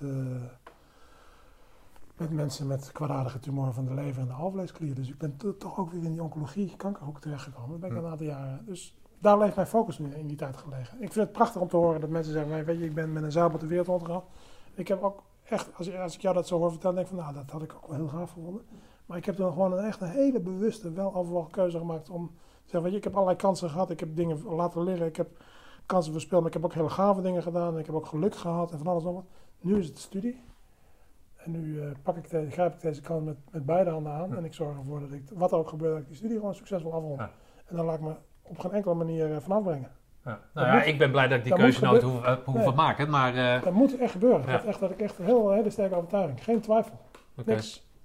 Hey, en en, en eh, hoe komt het, eh, even het vraag tussendoor, en ze staat erbij, dus, maar in ieder geval, hoe komt dat dat jullie dan zo, eh, gaat ze weer lachen, midden in een interview? Ja, ja. Het is toch dat, ik vind het zo knap dat jij het met die vrouw, eh, ja. Knap, hè? Ja. Nee, maar hoe, eh, hoe, hoe, is, hoe is dat dan al die tijd zo goed kunnen blijven gaan dan? Want er, er zijn eh, voldoende redenen geweest om, om nou ja, dat je tegen elkaar zegt van Jezus joh, wat een Ja. gedoe. Nou, weet je, het, het- het- wat goed is gaan, denk ik dat we ook alle twee gewoon altijd onze eigen dingen hebben gehad. Simone is, wat ik net vertelde, naar Oh, Engeland. gegaan. Hè? Maar Simone is bijvoorbeeld ook op een gegeven moment eh, eh, ook gaan studeren in Rotterdam. Maar die is daarnaast ook eh eh, croupier geworden in het casino.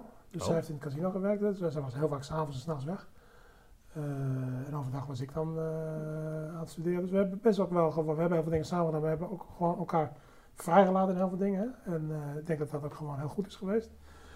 Ehm, ja, hoe is dat goed gegaan? Dat is, dat heeft, ja, weet je, dat heeft misschien ook met loyaliteit te maken, maar dat heeft ook gewoon met vertrouwen te maken, maar gewoon ook samen leuke dingen doen. Hè. We hebben er ook samen ook echt iets van gemaakt. En op een gegeven moment zijn natuurlijk ook kinderen, eh, want eens bleek ze toch zwanger te zijn, hè? Ondanks het feit dat we ervan uitgingen van, nou ja, Hoe is dat wij dan? krijgen nooit meer kinderen. Ja, ze was ineens zwanger. Nee, snap ik, maar hoe Ja. is dat dan? Ja, maar Ik dacht, echt, ik dacht echt van, wat krijgen we nou jongens? Dit is, Of voelde je helemaal de koning? ja. Ja, ja! dus dat kan niet van mij zijn, wel. Oh, dat kan ook nog, ja! Dat kan niet van mij zijn. Ja, ook, ja oké, ja, daar had ik nog niet eens... Oh ja, verdomd inderdaad. Ja, maar ja, weet je, de, de- mijn kinderen lijken alle drie ontzettend op mij. En eh, dat, is ook, dat schijnt in de evolutie ook zo eh, gem- gemaakt of ontworpen te zijn. Dat kinderen vaker op hun vader lijken, zodat er in principe geen twijfel over kan bestaan wie de vader is. Kijk, die kinderen komen, ik heb mijn kinderen zelf uit mijn vrouw zien komen, dus met andere woorden, er is geen twijfel over dat het haar kinderen zijn.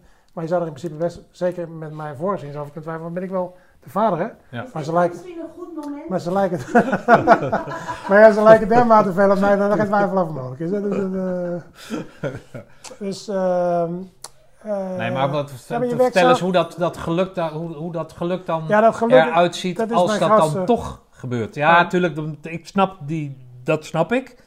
Die twijfel, dat snap ik. Maar, maar maar dat is mijn grootste geluk geweest, denk ik. Dat, dat, het feit dat je dan vader wordt, weet je wel, kunt worden. Eh, ja, dat, dat is onbeschrijfelijk, moet ik eerlijk zeggen. Want dat is iets waar ik in ieder geval nooit meer rekening mee had gehouden. Dat Ja. het ooit zou kunnen gebeuren nog. Hè? Dan als je dan toch eh, vader wordt, ja, dat is fantastisch. Dat is de mooiste eh, gebeurtenis in mijn leven geweest. Drie keer achter elkaar. Want na één keer denk je van ja, goed, het is een, eh een toevalstreffer geweest. Maar uiteindelijk eh, hebben we drie kinderen. Drie Ja. ontzettend fijne kinderen gekregen. ja. En, Heb eh, jij überhaupt nog last? Is dat nog op? Ik weet niet hoe dat werkt, maar met die kanker. Want op een gegeven moment stopt het met Ja. de, de, de, de jaarlijkse of vijfjaarlijkse controle. Maar Nee, dat stopt. Nee, ja, ik heb geen. Ja, weet je, ik heb een, een halve lege eh, scrotum, zeg maar. Ik mis één teelbal natuurlijk. en ik heb tatoeages op mijn lijf staan, maar ik heb geen ja, lichaam. wat, wat zijn tatoeages? Wat zijn dat dan? Nou, dan worden, als je bestraald wordt, dan word je natuurlijk elke dag moet jij eh, naar een bestralingskliniek toe. Ja. En dan, word je, dan moet die apparatuur moet ingesteld worden. En die, moet, die bestraling moet natuurlijk exact op de juiste plek terechtkomen. Ja. Dus die hele apparatuur moet helemaal ingesteld worden op jouw lichaam. En dan worden gewoon op jouw lichaam worden referentiepuntjes aangebracht. Kleine puntjes. Ah, oké. Zodat het het apparaat in één keer goed staat. Eh, zodat ze gelijk kunnen beginnen met de bestraling. Dus Oké, heb- dat is geen watervaste stift, dat Nee, is echt, echt een... eh, ingetatoeëerd, ja. ja, ja, oké. dus die heb ik op mijn lijf. En, ehm, eh, nee, ik heb daar verder geen, eh, geen negatieve. En de angst, is, is de Is angst er nog Nee. altijd, ja? Of altijd, wanneer is die angst, dat angstvrije, wanneer is dat ingetreden? Of meteen Ja, nadat ik, je ik moet je eerlijk zeggen dat dat misschien eigenlijk, als ik, als, ik, als ik diep in mijn hart krijg, best nog heel lang geduurd heeft. Hè. Kijk, zeker in de periode dat, je, dat ik nog op controle moet, dan denk je elke keer van, oh kut, het zal toch niet eh, waar zijn, dat Ja. het nu toch eh, fout is, weet je wel. Maar ik, heb in mijn, eh, ik ben toen gaan werken op de afdeling waar ik zelf gelegen heb. Hè, en toen ben ik ook altijd heel veel jongens tegengekomen, die precies hetzelfde hadden als ik. Hè, want ik, ik heb daar zelf gelegen als patiënt. Maar toen ik ben gaan werken, kwamen daar natuurlijk ook jongens. Ja, oh ja. Hè, dus dat, dat vond ik dus confronterend. Dus dat kwam nog wel eens een keer Ja. eh, best lastig gevonden. Maar ook later, toen ik eenmaal als, als, als radioloog ben gaan werken, ben ik natuurlijk ook, heb ik ook heel vaak jongens eh, met die diagnose eh, gevonden. Hm. En, dat heeft best lang geduurd voordat ik die angst kwijt was, moet ik eerlijk zeggen. Oké. Ja. Nu is het weg.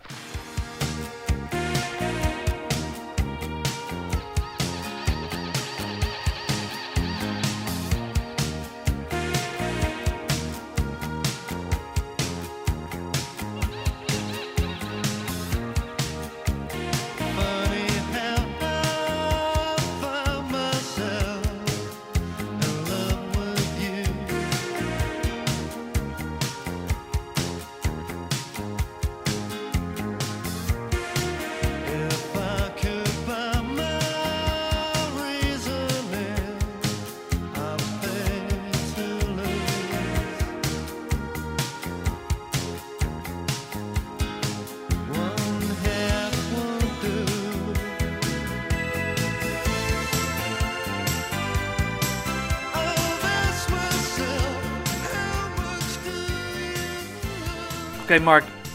Ehm, jij vertelt dat jij eh, dus zeg maar eh, in de kanker bent doorgegaan. Hè, Ja. In de zin van de qua studie. Maar toch ben jij radioloog geworden. Ja. Kan me eerst eens vertellen wat een radioloog is? Nou ja, weet je, je hebt natuurlijk. eh een radioloog die houdt zich bezig met beeldvorming van ziektes, om het zo maar even te zeggen. dus ehm, eh, een radioloog stelt op basis van beeldvorming, CT, MRI, een röntgenfoto, een echo, een diagnose. Dat is het. Dat zijn die apparaten hè, waar je dan in zit ja. om... om hè, toch? Ja, dus eh, dat is een, ja, je, hebt- je, hebt- je hebt wel eens een CT-scanner gezien of een MRI, of je hebt misschien ook wel eens een, Nee, echo-apparaat gezien. Eh, Dus er zijn allerlei apparaten die, die, die, die jouw lichaam va- van de binnenkant eh, kunnen bekijken. Hè? Dus jij hebt een bepaalde klacht, buikpijn, ik noem maar even wat. En je gaat naar de dokter en de dokter zegt tegen je, nou, ik wil graag eventjes eh, kijken hoe het aan de binnenkant weer eruit ziet. Dus eh, dan maakt een radioloog, ik in dit geval, maakt een echo van je buik om aan de binnenkant je organen te bekijken. Of er iets met de galblaas is, of met de lever of dat soort dingen. Nou, dat is heel simpel gezegd, is dat wat een radioloog doet voor een deel. Een radioloog doet ook ingrijpen, hè? Dus die, die doet ook behandelingen met behulp van radiologische apparaten. Dus het inbrengen van medicijnen, het afnemen van weefsel, het eh, draineren van eh, eh, kiesten bijvoorbeeld, noem maar even wat. Hè? Of het aanprikken van tussenwervelschijven, van alles en wat. Dus het is een heel breed vak. Wij zijn eigenlijk, radioloog is het, is het specialisme wat zich centraal in het ziekenhuis bevindt, wat eigenlijk beeldvorming voor- zorgt voor de andere specialismen, voor de neuroloog en voor de internist en voor de chirurg. Dus wij staan centraal in het ziekenhuis. En ehm, ja, verzorgen dus alles wat met afbeelden van het lichaam te maken heeft en het stellen van een diagnose. Dus, Oké. dus de, een neuroloog vraagt aan mij van, heeft deze meneer, eh, die is een beetje in de war, heeft hij iets in zijn hoofd zitten? Nou, dan maak ik, of mijn laborant maakt een MRI-scan van het hoofd. En dan ga ik dat onderzoek bekijken en ik zeg, nou, ik zie daar wat en dat is waarschijnlijk dat en dat. En dat vertel ik dan vervolgens aan die aanvraag. Ik zeg, nou, ik denk dat hij een aneurysma heeft of een tumor heeft of een bloeding heeft, noem maar even. En dan gaat dan vervolgens gaat die aanvragen daarmee. Dus jij bent eh, zeg maar de, de mid-mid van het, van het Ja. team. Wij zijn zeg maar de draaischijf in, de, in, het, in het... Dat klopt inderdaad, ja. Ja. Dus jij wil niet, positie. jij wil geen doelpunten scoren, je wil geen doelpunten voorkomen. Ja. Jij wil de lijnen uitzetten. Is, Ja. is dat waarom iemand radioloog wordt? Ja, nou, wij, dat klopt inderdaad. Dat is dus een deel van ons werk, het stellen van diagnoses. En een ander deel is het doen van behandeling. En dat doen we dus ook. Maar goed, eh, Maar waarom doe, Waarom jij die dat- behandeling en niet iemand anders? Of, nou, er zijn bepaalde behandelingen die door de radioloog worden gedaan. Ik noem maar even wat. Kijk, eh, vernauwing aan de bloedvaten bijvoorbeeld. Hè? Als jij een, een vernauwd bloedvat hebt in je been en je hebt enorme beenpijn als je lang gaat lopen, dat noem je Ja. etalagebenen. Dan is de radioloog, die brengt daar, eh, en dan breng ik daar een, een, een kathetertje in, met een ballonnetje, en dan blaas ik die vernauwing op en dan ben je van je klachten af. Nou, het dotteren. Het dotteren wordt ook gedaan, dat heet dotteren. Ja. Hè, dus je kunt de, de, de- in het hart kun je een dotterprocedure doen, hè, van de kransslagaders. Maar je kunt ook een dotterprocedure... dat dotteren is ook zo'n ballonnetje. Ja, dat is een ballonnetje. Ja, ja, dat- dat is dotteren. Nou, dat is ook iets wat door de radioloog wordt gedaan. Oké. Maar waarom dan wordt dat niet door de hartchirurgie gedaan dan? Nou, in het hart wordt het wel door, hart, door, de, door de cardioloog gedaan. Ja. Maar in de benen en in de armen en in de grote bloedvaten in het lichaam wordt het door de radioloog gedaan. Ja, zo is nou eenmaal eh, de werkverdeling in het ziekenhuis eh, ge- gemaakt. En wat, is daar, wat, wat, wat heeft jou daarin zo getrokken dat je vanuit die kanker dan Ja, nou, die wat afslag ik- hebt genomen? Nou, wat ik heel interessant vind is dat het, een radiologie is een eh, heel praktisch vak is. De röntgenstraling bestaat pas 100 jaar. Hè? Dus Konrad de Röntgen heeft in, in, eh, in 1880 geloof ik de röntgenstraling ontdekt. Het is een relatief jong specialisme. eh, met, waar heel veel techniek in zit, heel veel technische ontwikkelingen in zit. Waar je te maken hebt met relatief korte patiëntencontacten. En waar je echt een concrete toevoeging hebt. Dan je stelt echt een diagnose. Zeg, nou, het is dit of dit. En ik ga vervolgens weer naar de volgende patiënt. Het zijn allemaal korte, relatief korte eh, contacten. Waar heel veel techniek bij komt. En waar je ook echt een, ehm, een essentiële bijdrage levert aan, eh, aan, aan, de- aan het diagnostische proces van de patiënt. Dat vind ik heel interessant. Vind ik leuk. Dus ik vind die combinatie van techniek en, eh, en, en zeg maar de centrale positie in het ziekenhuis, die vind ik heel leuk. Oké. Vind ik echt interessant. Dus vandaar dat ik daarvoor gekozen heb, uiteindelijk, voor het vak, voor dat specialisme. Dus de afronding van je geneeskundestudie moet je een specialisme kiezen. En, eh, De ene wordt chirurg, en de ander wordt neuroloog. En de volgende wordt de KNO'ers. Ja, sommige mensen worden dan radioloog. Hè. Dus ik ben toen uiteindelijk eh, de opleiding tot radioloog gaan doen. Hè. Dus dan, ben ik in eh, het AMC gaan doen. Dus ik heb toen eh, vijf jaar in het AMC de opleiding tot radioloog gedaan. En nog een stuk in het Westeinde gezeten ook. En toen was ik uiteindelijk wat ik ben, ja, ben ik radioloog geworden. Oké. Jij vertelde mij dat je, dat je geïnteresseerd bent in mensen. Daar komt Ja, je nou- dat ja. nog wat later in het gesprek. Is, is, dat, is dat omdat je als radioloog dus die mid-mid bent van dat team, dat je dus met alle, alle mensen of alles, alle gedaats, nou niet, maar alle mensen in het ziekenhuis contact hebt, is dat daarom ook dat die, die, die, die, die interesse in, hè, dat, dat, je, dat je dus met andere mensen om weet te gaan en niet alleen maar één vakgroep of zo? Is denk dat, is dat. Je hebt een, een, heel breed scala aan, me- aan mensen waar je inderdaad mee maar je hebt echt, een- echt een centrale positie in het ziekenhuis. Met alle mensen, alle aanvragers, alle specialismen heb je te maken. Dus dat klopt inderdaad. Ja. Maar is het dan niet zo dat je niet ergens echt in excelleert, maar van alles een beetje weet? De radioloog is degene die eh, inderdaad een hele brede kennis heeft van alles wat zich in de diverse specialismen eh, afspeelt. Maar dat vak radiologie, jij zegt het inderdaad heel goed, dat is natuurlijk inmiddels zo gigantisch groot geworden door allerlei technische ontwikkeling, dat het vak in zijn geheel eigenlijk niet meer te behappen is. Je kunt niet meer een algemene radioloog, die zowel voor de neuroloog als voor de KNO als voor de uroloog als voor de internist werkt, die eigenlijk niet meer. Dat kan niet meer. Ah ja, het vak is groot. Dus je hebt allemaal subspecialismes gekregen. Dus je hebt een radioloog die houdt zich alleen maar met borstkanker bezig. Je hebt een radioloog die houdt zich alleen maar met eh, het zenuwstelsel bezig. En je hebt ook een radioloog die houdt zich alleen maar met het bewegingsapparaat, zoals dat heet. En met orthopedie en sportgeneeskunde te maken. Nou, dat is toevallig het specialisme waar ik daarvoor gekozen heb. Ik hou me nu alleen maar bezig met eh, orthopedie, sportgeneeskunde en Oh, ja. reumatologie. Dus ik doe alleen nog maar dat hele specifieke Grappig. stuk. Dus we zijn, wij zijn eigenlijk superspecialist geworden, zoals dat heet. Dus wij doen alleen maar dat. Dus ik doe helemaal geen neuroradiologie meer, geen KNO. Maar ik doe alleen maar dat. Oh, maar dat is dus jammer. Dus dan kom je niet in aanraking met al die anderen. Nee, dat is, dat is op zich jammer, maar het, het- vak vereist dat je ergens een keer een keuze Ja, maakt, een keuze moet maken. Dus Oké. Dat, dat, dat Oké. is niet anders. En ik heb daarvoor gekozen omdat ik, ik heb heel lang als algemeen radioloog gewerkt. Dus nadat ik mijn opleiding had afgerond, ben ik in Breda gewerkt in een algemene radiologische praktijk waar ik nog alles deed. Dat was net een beetje de overgangsperiode dat het net nog kon eigenlijk. Hm. Maar die ontwikkeling ging toen zo snel dat het op een gegeven moment eigenlijk niet meer kon. En toen heb ik gekozen voor het subspecialisme Ja, dat heet musculoskeletale radiologie. Alles wat met orthopedie te maken heeft. En toen ben ik ook geswitcht van ziekenhuis. Ben ik in een kliniek gaan werken. Wat alleen maar dat soort dingen doet. Oké. En Ja. dat is een leading iets of zo in Nederland? Want Ja, die- dat is, die- dat is de Maartenskliniek zoals dat heet. Dat is het zie- ziekenhuis wat helemaal gespecialiseerd is op het bewegingsapparaat zoals dat heet. Dat is in Nijmegen. Oké. Dus daar werk ik eh, nu alweer sinds 2012 eigenlijk. Maar dat was een overstap, heb ik begrepen. Hè? Of nogal, een over, nogal een Ja, overstap. dat is wel een, een forse overstap geweest. eh, want ik ben, ja, toen, dus na de afronden van mijn eh, specialisatie ben ik dus in een algemeen ziekenhuis gaan werken. Daar heb ik een heel aantal jaren gewerkt. Wat is een algemeen ziekenhuis? Ja, ik ben helemaal niet gelukkig niet van de ziekenhuis. Nee, dus, eh, nee, dat is gewoon een algemeen ziekenhuis zoals hier het ziekenhuis in Gorkum. Of die hebben van alles wat. Daar heb je alles. Hè. Daar, daar, daar. Dus je hebt in Nederland verschillende soorten ziekenhuizen. Je hebt academische ziekenhuizen. Ja. Hè, dus in alle grote plaatsen, zoals het AMC bijvoorbeeld. Ja. Dan heb je de algemene ziekenhuizen. Dat zijn gewoon... eh, De streekzie- oude zijn dat de ziekenhuizen, streekziekenhuizen? streekziekenhuizen. Ja, ja. En dan heb je een paar gespecialiseerde klinieken in Nederland. En daar is de Maartenskliniek is dan eentje van. Maar Ja. er is bijvoorbeeld ook het Antonie van Leeuwenhoek ziekenhuis. Dat is een gespecialiseerd ziekenhuis. ja. Houdt zich alleen met de behandeling van kankerpatiënten bezig. En ook het oogziekenhuis in Rotterdam bijvoorbeeld. Houdt zich alleen met oogziekten bezig. Ja.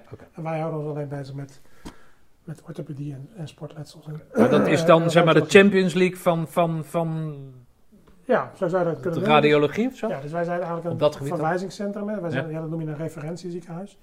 Dus wij eh, zijn eigenlijk eh, op dat spe- hele specifieke, op die niche, zijn wij toonaangevend in Nederland. Hè. Dus, Oké. komen heel veel, dus komen, wij leiden dus ook mensen op. Dus er komen bij ons mensen trainingen volgen om eh, dat vak vervolgens in hun eigen ziekenhuis uit te oefenen. En dat zijn niet alleen mensen uit Nederland, maar er zijn ook mensen van buiten Nederland. Hè. Dus wij hebben ook mensen uit India bijvoorbeeld bij ons. We hebben nu iemand uit Portugal. eh, dat zijn Is het een particuliere Nee, ding nee, dan? Het, het is geen particulier, het is gewoon Oh, een, eh, dat noem je een eh, gespecialiseerd, ziekenhuis. Het is niet een privékliniek, het is gewoon een, een- een voor iedereen toegankelijk ziekenhuis. Maar je moet er wel naartoe verwezen worden door een... eh Oké, dus als mensen nergens meer terecht kunnen gaan op dat gebied, dan komt Zo zou je het eigenlijk eh, het kunnen laatste, ja. laatste redmiddel. Ja, ja. Oké, en, en kom je, daar kom je die absoluut tegen natuurlijk, maar beschrijf eens. Nou, er zijn mensen, er zijn, je, hebt, je hebt allerlei... eh, er zijn mensen bijvoorbeeld met aangeboren afwijkingen. Dat die, die, waar, waar gewoon in een algemeen perifere ziekenhuis de expertise ontbreekt om ze goed te behandelen. Die komen dan naar ons. Mensen met ingewikkelde trauma's, ongelukken, hè, die hele ingewikkelde fracturen hebben, die komen bij ons. Ja. Mensen die eh, eh, topsporters komen ook bij ons hè, met eh, letsels die heel moeilijk te behandelen zijn. Eh, wij doen bijvoorbeeld heel veel eh topatleten, hardlopers bijvoorbeeld, hè, judoka's, vechtsporters doen wij ook.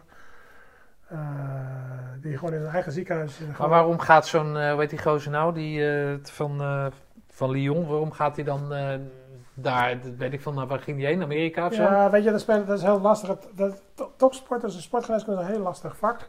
Omdat daar niet alleen, echt alleen de concrete, de concrete les een rol speelt. Maar er spelen heel veel factoren omheen ook een rol. Hè. Dat heeft, bijvoorbeeld financiën. Hè. Het kost natuurlijk verschrikkelijk veel geld als een speler op een bepaalde tijd eh, niet op het veld staat. Eh, er zit heel veel psychologie omheen. Hè. Eh, heel veel topsporters hebben toch eh, een soort eh hypochonderachtig... eh, die Ja. denken altijd dat er wat aan de hand is. Hè. Dus het- dat is heel gecompliceerd. Hè. En eh, veel topclubs, eh, topvoetballers, top, eh, topatleten, die hebben gewoon vaste connectie met bepaalde klinieken. Dus het kan best zijn dat een bepaalde topper van Manchester United altijd naar een bepaalde orthopeed in Florida gaat. Ik noem maar even wat. Ja, dat was Zo met Van. Nistelrooy en zo, Ja. die gingen toch allemaal naar Amerika, toch? Ja, Dat, zo is dat geregeld. ja. Of naar Zwitserland. Je hebt natuurlijk een tijd dat er veel, zoals Van Basten bijvoorbeeld, die zijn door professor Martin geopereerd. Ja. Dus ze zijn allemaal... Maar de. Memphis, want dat- ik kwam zat even te zoeken naar, de, naar zijn naam. Ja, Die was nogal in opspraak, of in ieder geval die arts was toch nogal in opspraak, omdat hij mensen vrij snel terugbracht. Ja, waar, ja, extreem, extreem, Extreem snel. snel. Maar goed, uiteindelijk bleek het wel succesvol te zijn. Hè? Dus ja, wat, eh, nou ja, succesvol. Hij speelde in ieder geval heel snel weer. Hè? En, ja oké, eh, maar het geluk dat dat EK natuurlijk werd uitgesteld, klopt, denk ik. Ja, dat toch? klopt zeker, dat maar hoe kijken jullie daar dan, dat- kijk je dan daar tegenaan van, hé hey jongens, Nee, de marketingafdeling van eh, jullie hebben gefaald en waarom zit hij niet bij ons? Wat, Nee, wat dat is dat? heel- dat is helemaal niet zo. Kijk, Nee? wij doen, wij doen ons werk heel goed. Hè. We hebben ongelooflijk veel patiënten. De wachtlijsten overlopen, de wachtkamers zitten vol. En we hebben werk genoeg. En wij krijgen heel veel... eh, wij, wij, wij, organiseren ook cursussen natuurlijk. Hè. Wij geven de landelijke cursussen. Dus wij krijgen voldoende... Moet ik het anders zeggen? Wij krijgen voldoende waardering voor het werk wat we doen. Nee, maar het zou lekker zijn toch, als je even iemand in de etalage hebt. de- Nou, dat Toch of niet? Ja, dat, dat, dat, dat, vind ik wel goed. Daar zouden we soms misschien best eens wat eh, meer mee naar voren mogen treden. hè. We zouden best eens wat vaker Eh, onze Die hebben jullie dus wel, zeg je? Ja, natuurlijk, hè, maar, ik vind dat, dat is misschien ook een beetje eigen. Dat past niet zo goed binnen de. Hè, eh, binnen de Binnen Nederlandse nee, Het is gezondheidszorg. een beetje om, Ja, heel met de koop te lopen. Hè. Je ziet eigenlijk eh, weinig binnen de, binnen de geneeskunde zie je weinig mensen die, die echt eh, ja, te koop lopen met hun succes. Dat zie eigenlijk niet. Hè. Maar je zou het ook andersom kunnen zeggen. Je bent, het, het eh, zou misschien moeten, ja. je bent, eh, ik ben te ja, je bent bang dat je een miskleun eh, maakt of zo. Dat, dat, dat is ook, hè, want dat, is- dat, dat, klopt, dat, dat speelt ook nog een keer een rol. Dat is ook een grote claimcultuur. nou. Alles wat met gezondheid te maken heeft. Het weet heb je natuurlijk een klachtenhefboek zitten. Ja. opgeknapt aan de hoogste boom en weet ik het allemaal. Het is niet zo gek als in Amerika. Maar dat kan hier ook zomaar misschien ooit eens een keer in de toekomst gaan gebeuren. Ik denk niet dat het zo ver gaat komen, maar dat speelt natuurlijk altijd een rol. Het gaat altijd over mensenlevens. Het gaat altijd over, over letsel. En er zitten, er zitten gewoon heel veel factoren aan als, als behalve alleen het puur medische. Er zit altijd een juridisch en een Ja. psychologisch. Er zit zoveel aan. Dus Ja. het is, ja, weet je. eh, Hey, wat, wat, wat zijn jouw grootste, of jullie grootste... Ja, dat heeft natuurlijk helemaal niks met topsport of wat dan ook te maken. Maar wat, waar, waar, waar, waar, waar kan jij nog tranen van je ogen krijgen... als je denkt aan hoe iemand binnenkomt... en hoe die dan uiteindelijk eh, afscheid van jullie neemt? Ik vind het prachtig. Weet je, wij hebben een vak waarin je met een relatief simpel ingreep, bijvoorbeeld het, plaatsen van een bepaald geneesmiddel in een gewricht, of het verwijderen van kalk, of het eh, hele, hele kleine, kleine dingetjes ervoor kunt zorgen dat mensen kreupel binnenkomen en een uur later lachend, fluitend. Een weer uur? Dat kan. Hè? Oké. En dat vind ik ontzettend leuk. Hè? Want als je dan bijvoorbeeld naar het vak neurologie kijkt, kijk, neurologie is in principe een heel interessant vak, maar eh, mensen worden over het algemeen niet beter hè, met een neurologische aandoening. Dus dat lijkt ontzettend- wat is neurologie ook dat weer? is alles wat met het zenuwstelsel te Ah, maken ja. En bij de oncologie bijvoorbeeld, hè, bij de kankergeneeskunde, ja, weet je, daar, daar gaan heel veel mensen dood natuurlijk. En dat is ook. eh, dat heb ik lang genoeg gedaan hoor, overigens. Maar op een gegeven moment vind ik dit op dit moment in mijn leven fijner om, om ervoor te zorgen dat ik gewoon heel veel tevreden patiënten heb. En, en niet met doodzieke mensen te maken heb, maar wel gewoon met serieuze mensen met serieuze klachten waar ik gewoon echt concreet iets aan kan doen. ook. Hm. Dat vind ik heel leuk. En daarnaast het opleiden vind ik heel leuk. Hè? Dus het feit dat wij dus fellows hebben, zoals dat heet. Het zijn dus jonge specialisten die voor een extra training bij ons komen. Dat we mensen op, radiologen opleiden, dat vind ik echt heel erg leuk. Dat we research doen, stukken schrijven, eh, congressen organiseren. Dus dat, dat geeft me heel veel voldoening. Oké. Hey, en waarom heb je daarvoor gekozen? Want er, was toch iets van een switch in jouw leven, Ja, toch? Dus dat klopt. Dus ik ben inderdaad, ik ben in 2011, nadat ik een heel aantal jaar in een kliniek in Breda had gewerkt, ben ik daar gestopt eigenlijk. Omdat ik eigenlijk daar, ehm eh, er was een, een ziekenhuis waar het echt alleen maar om productie ging. Er werd heel goed eh, verdiend, hè? Dus, maar er werd ook heel hard gewerkt. Maar de voldoening was bij mij eh, eigenlijk heel matig tot, tot slecht eigenlijk. Want het was alleen maar werken, werken, werken, geld verdienen. Maar er zat heel veel, weinig voldoening in, vond ik. Ik vond het gewoon niet... eh, er was heel veel gedoe rondom ehm, eh, omzetten. Er was heel veel gedoe rondom fusies met andere vakgroepen. Er was gewoon heel veel gedoe. Er werden, geen mensen opgeleid. Er werd niet aan opleiding gedaan. Er werd helemaal niet aan research gedaan. Nou, dat frustreerde mij mateloos. En dat ging van kwaad tot erg. Op een gegeven moment dacht ik van, nou weet je, ik ben nu... Toen was ik eh in de 40, eh, begin 40. toen dacht ik, nou weet je, dit is niet de plek waar ik gewoon eh, tot aan mijn 65 wil blijven werken. Ik merkte ook aan mezelf dat ik eh, eh, lichamelijke reacties kreeg als ik wist dat ik de volgende dag weer moest gaan werken. En op een plek terecht kwam die me helemaal geen voldoening gaf. Dat ik op zondagavond echt tegenzin kreeg. Hoor. Dat ik op zondagavond dacht van, "Ke- hij moet morgen weer gaan werken, get verdemmen. En dat verschoof zich zo langzamerhand al een beetje naar, naar, naar de zondagochtend. Of naar de zaterdagavond. Dat ik op zaterdagavond al dacht van, nou, ik morgen nog één dagje Ja. bij. En moet maandag weer gaan werken. Terwijl ik helemaal geen, geen enkele voldoening. Geld speelt dan geen Nou, nou, verzachtende rol? Of, nou ja, zeker. Dat heeft heel lang een verzachtende rol gespeeld. Hè? Want ik heb dat toch uiteindelijk bijna tien jaar gewerkt voor een reëel salaris. Maar uiteindelijk gaan dat soort factoren bij mij in ieder geval. Hè? Ik zeg niet, dat- er zijn ongetwijfeld mensen die, die zich er prima bij voelen.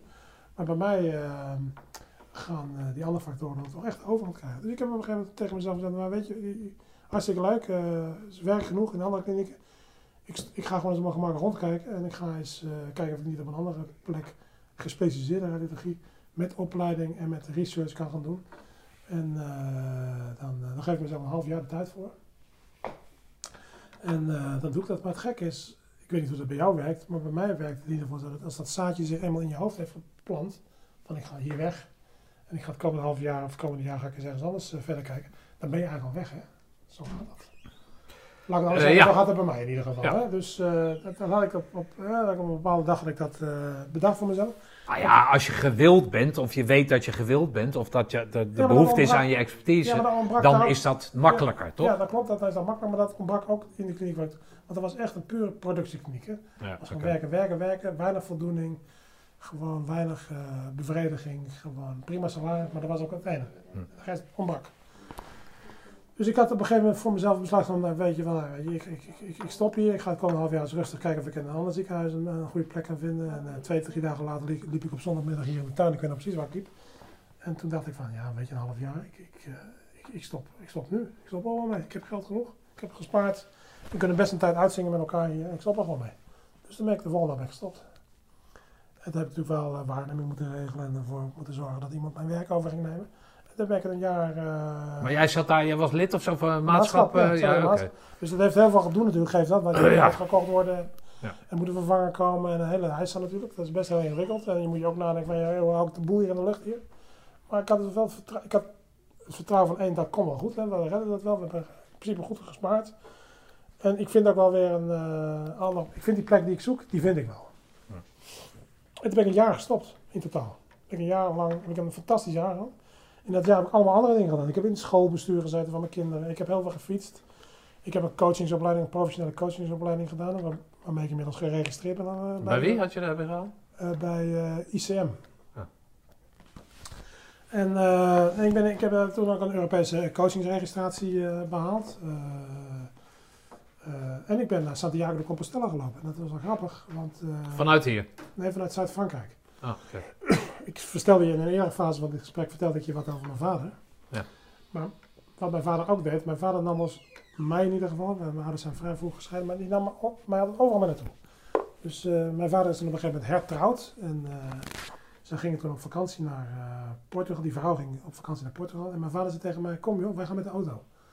Ik ben toen met mijn vader met de auto naar Portugal gereden. We hebben een week over gedaan om daarheen te rijden.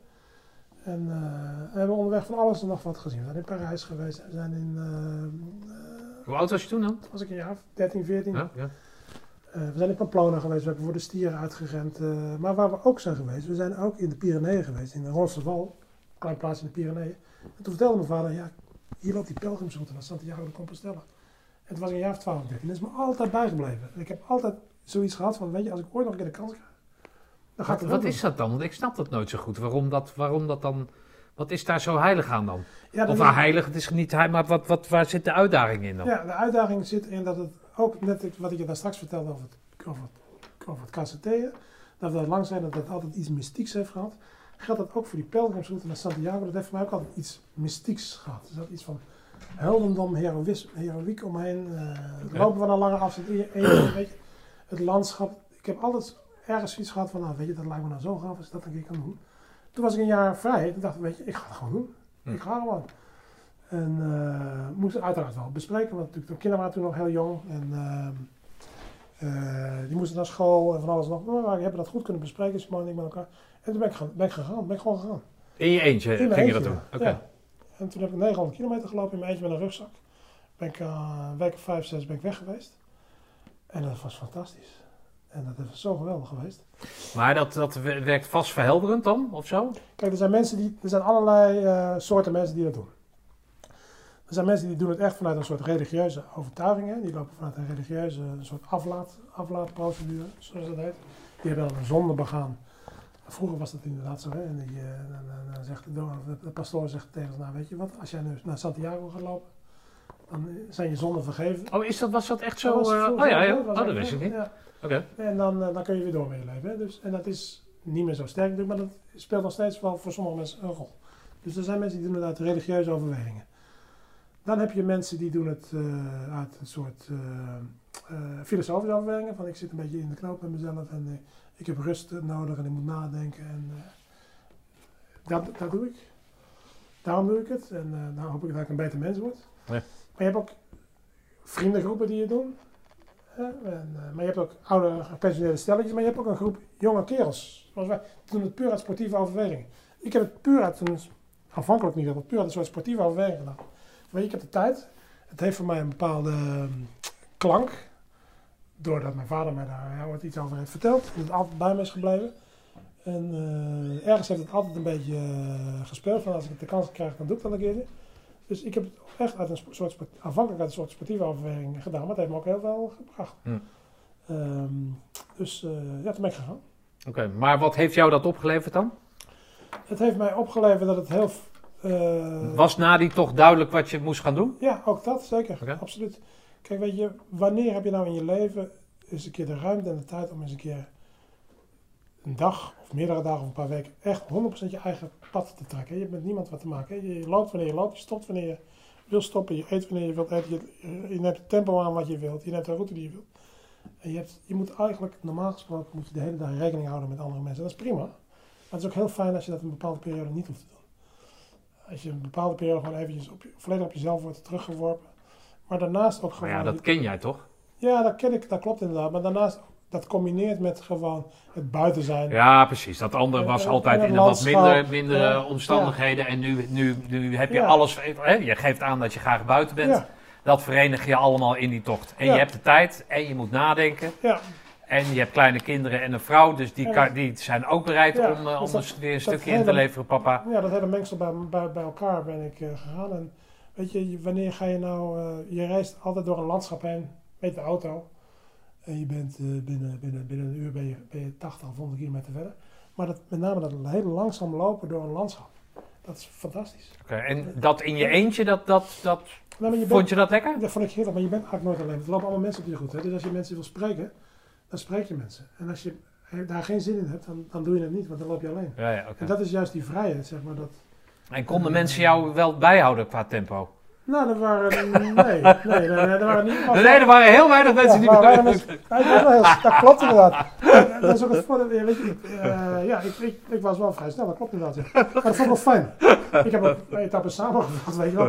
Dan denk je maar 30 kilometer, eh, dit is pas 1 uur smiddag, weet je. Ik plak er nog gewoon een etappe Ah, vast. man, dit is echt, het is voor een verhaal, jongen. Dat is Superman weer. Ja. Nee, maar weet je, dus eh, en als het slecht weer is, dan stop je. En als het lekker weer is, het gaat lekker.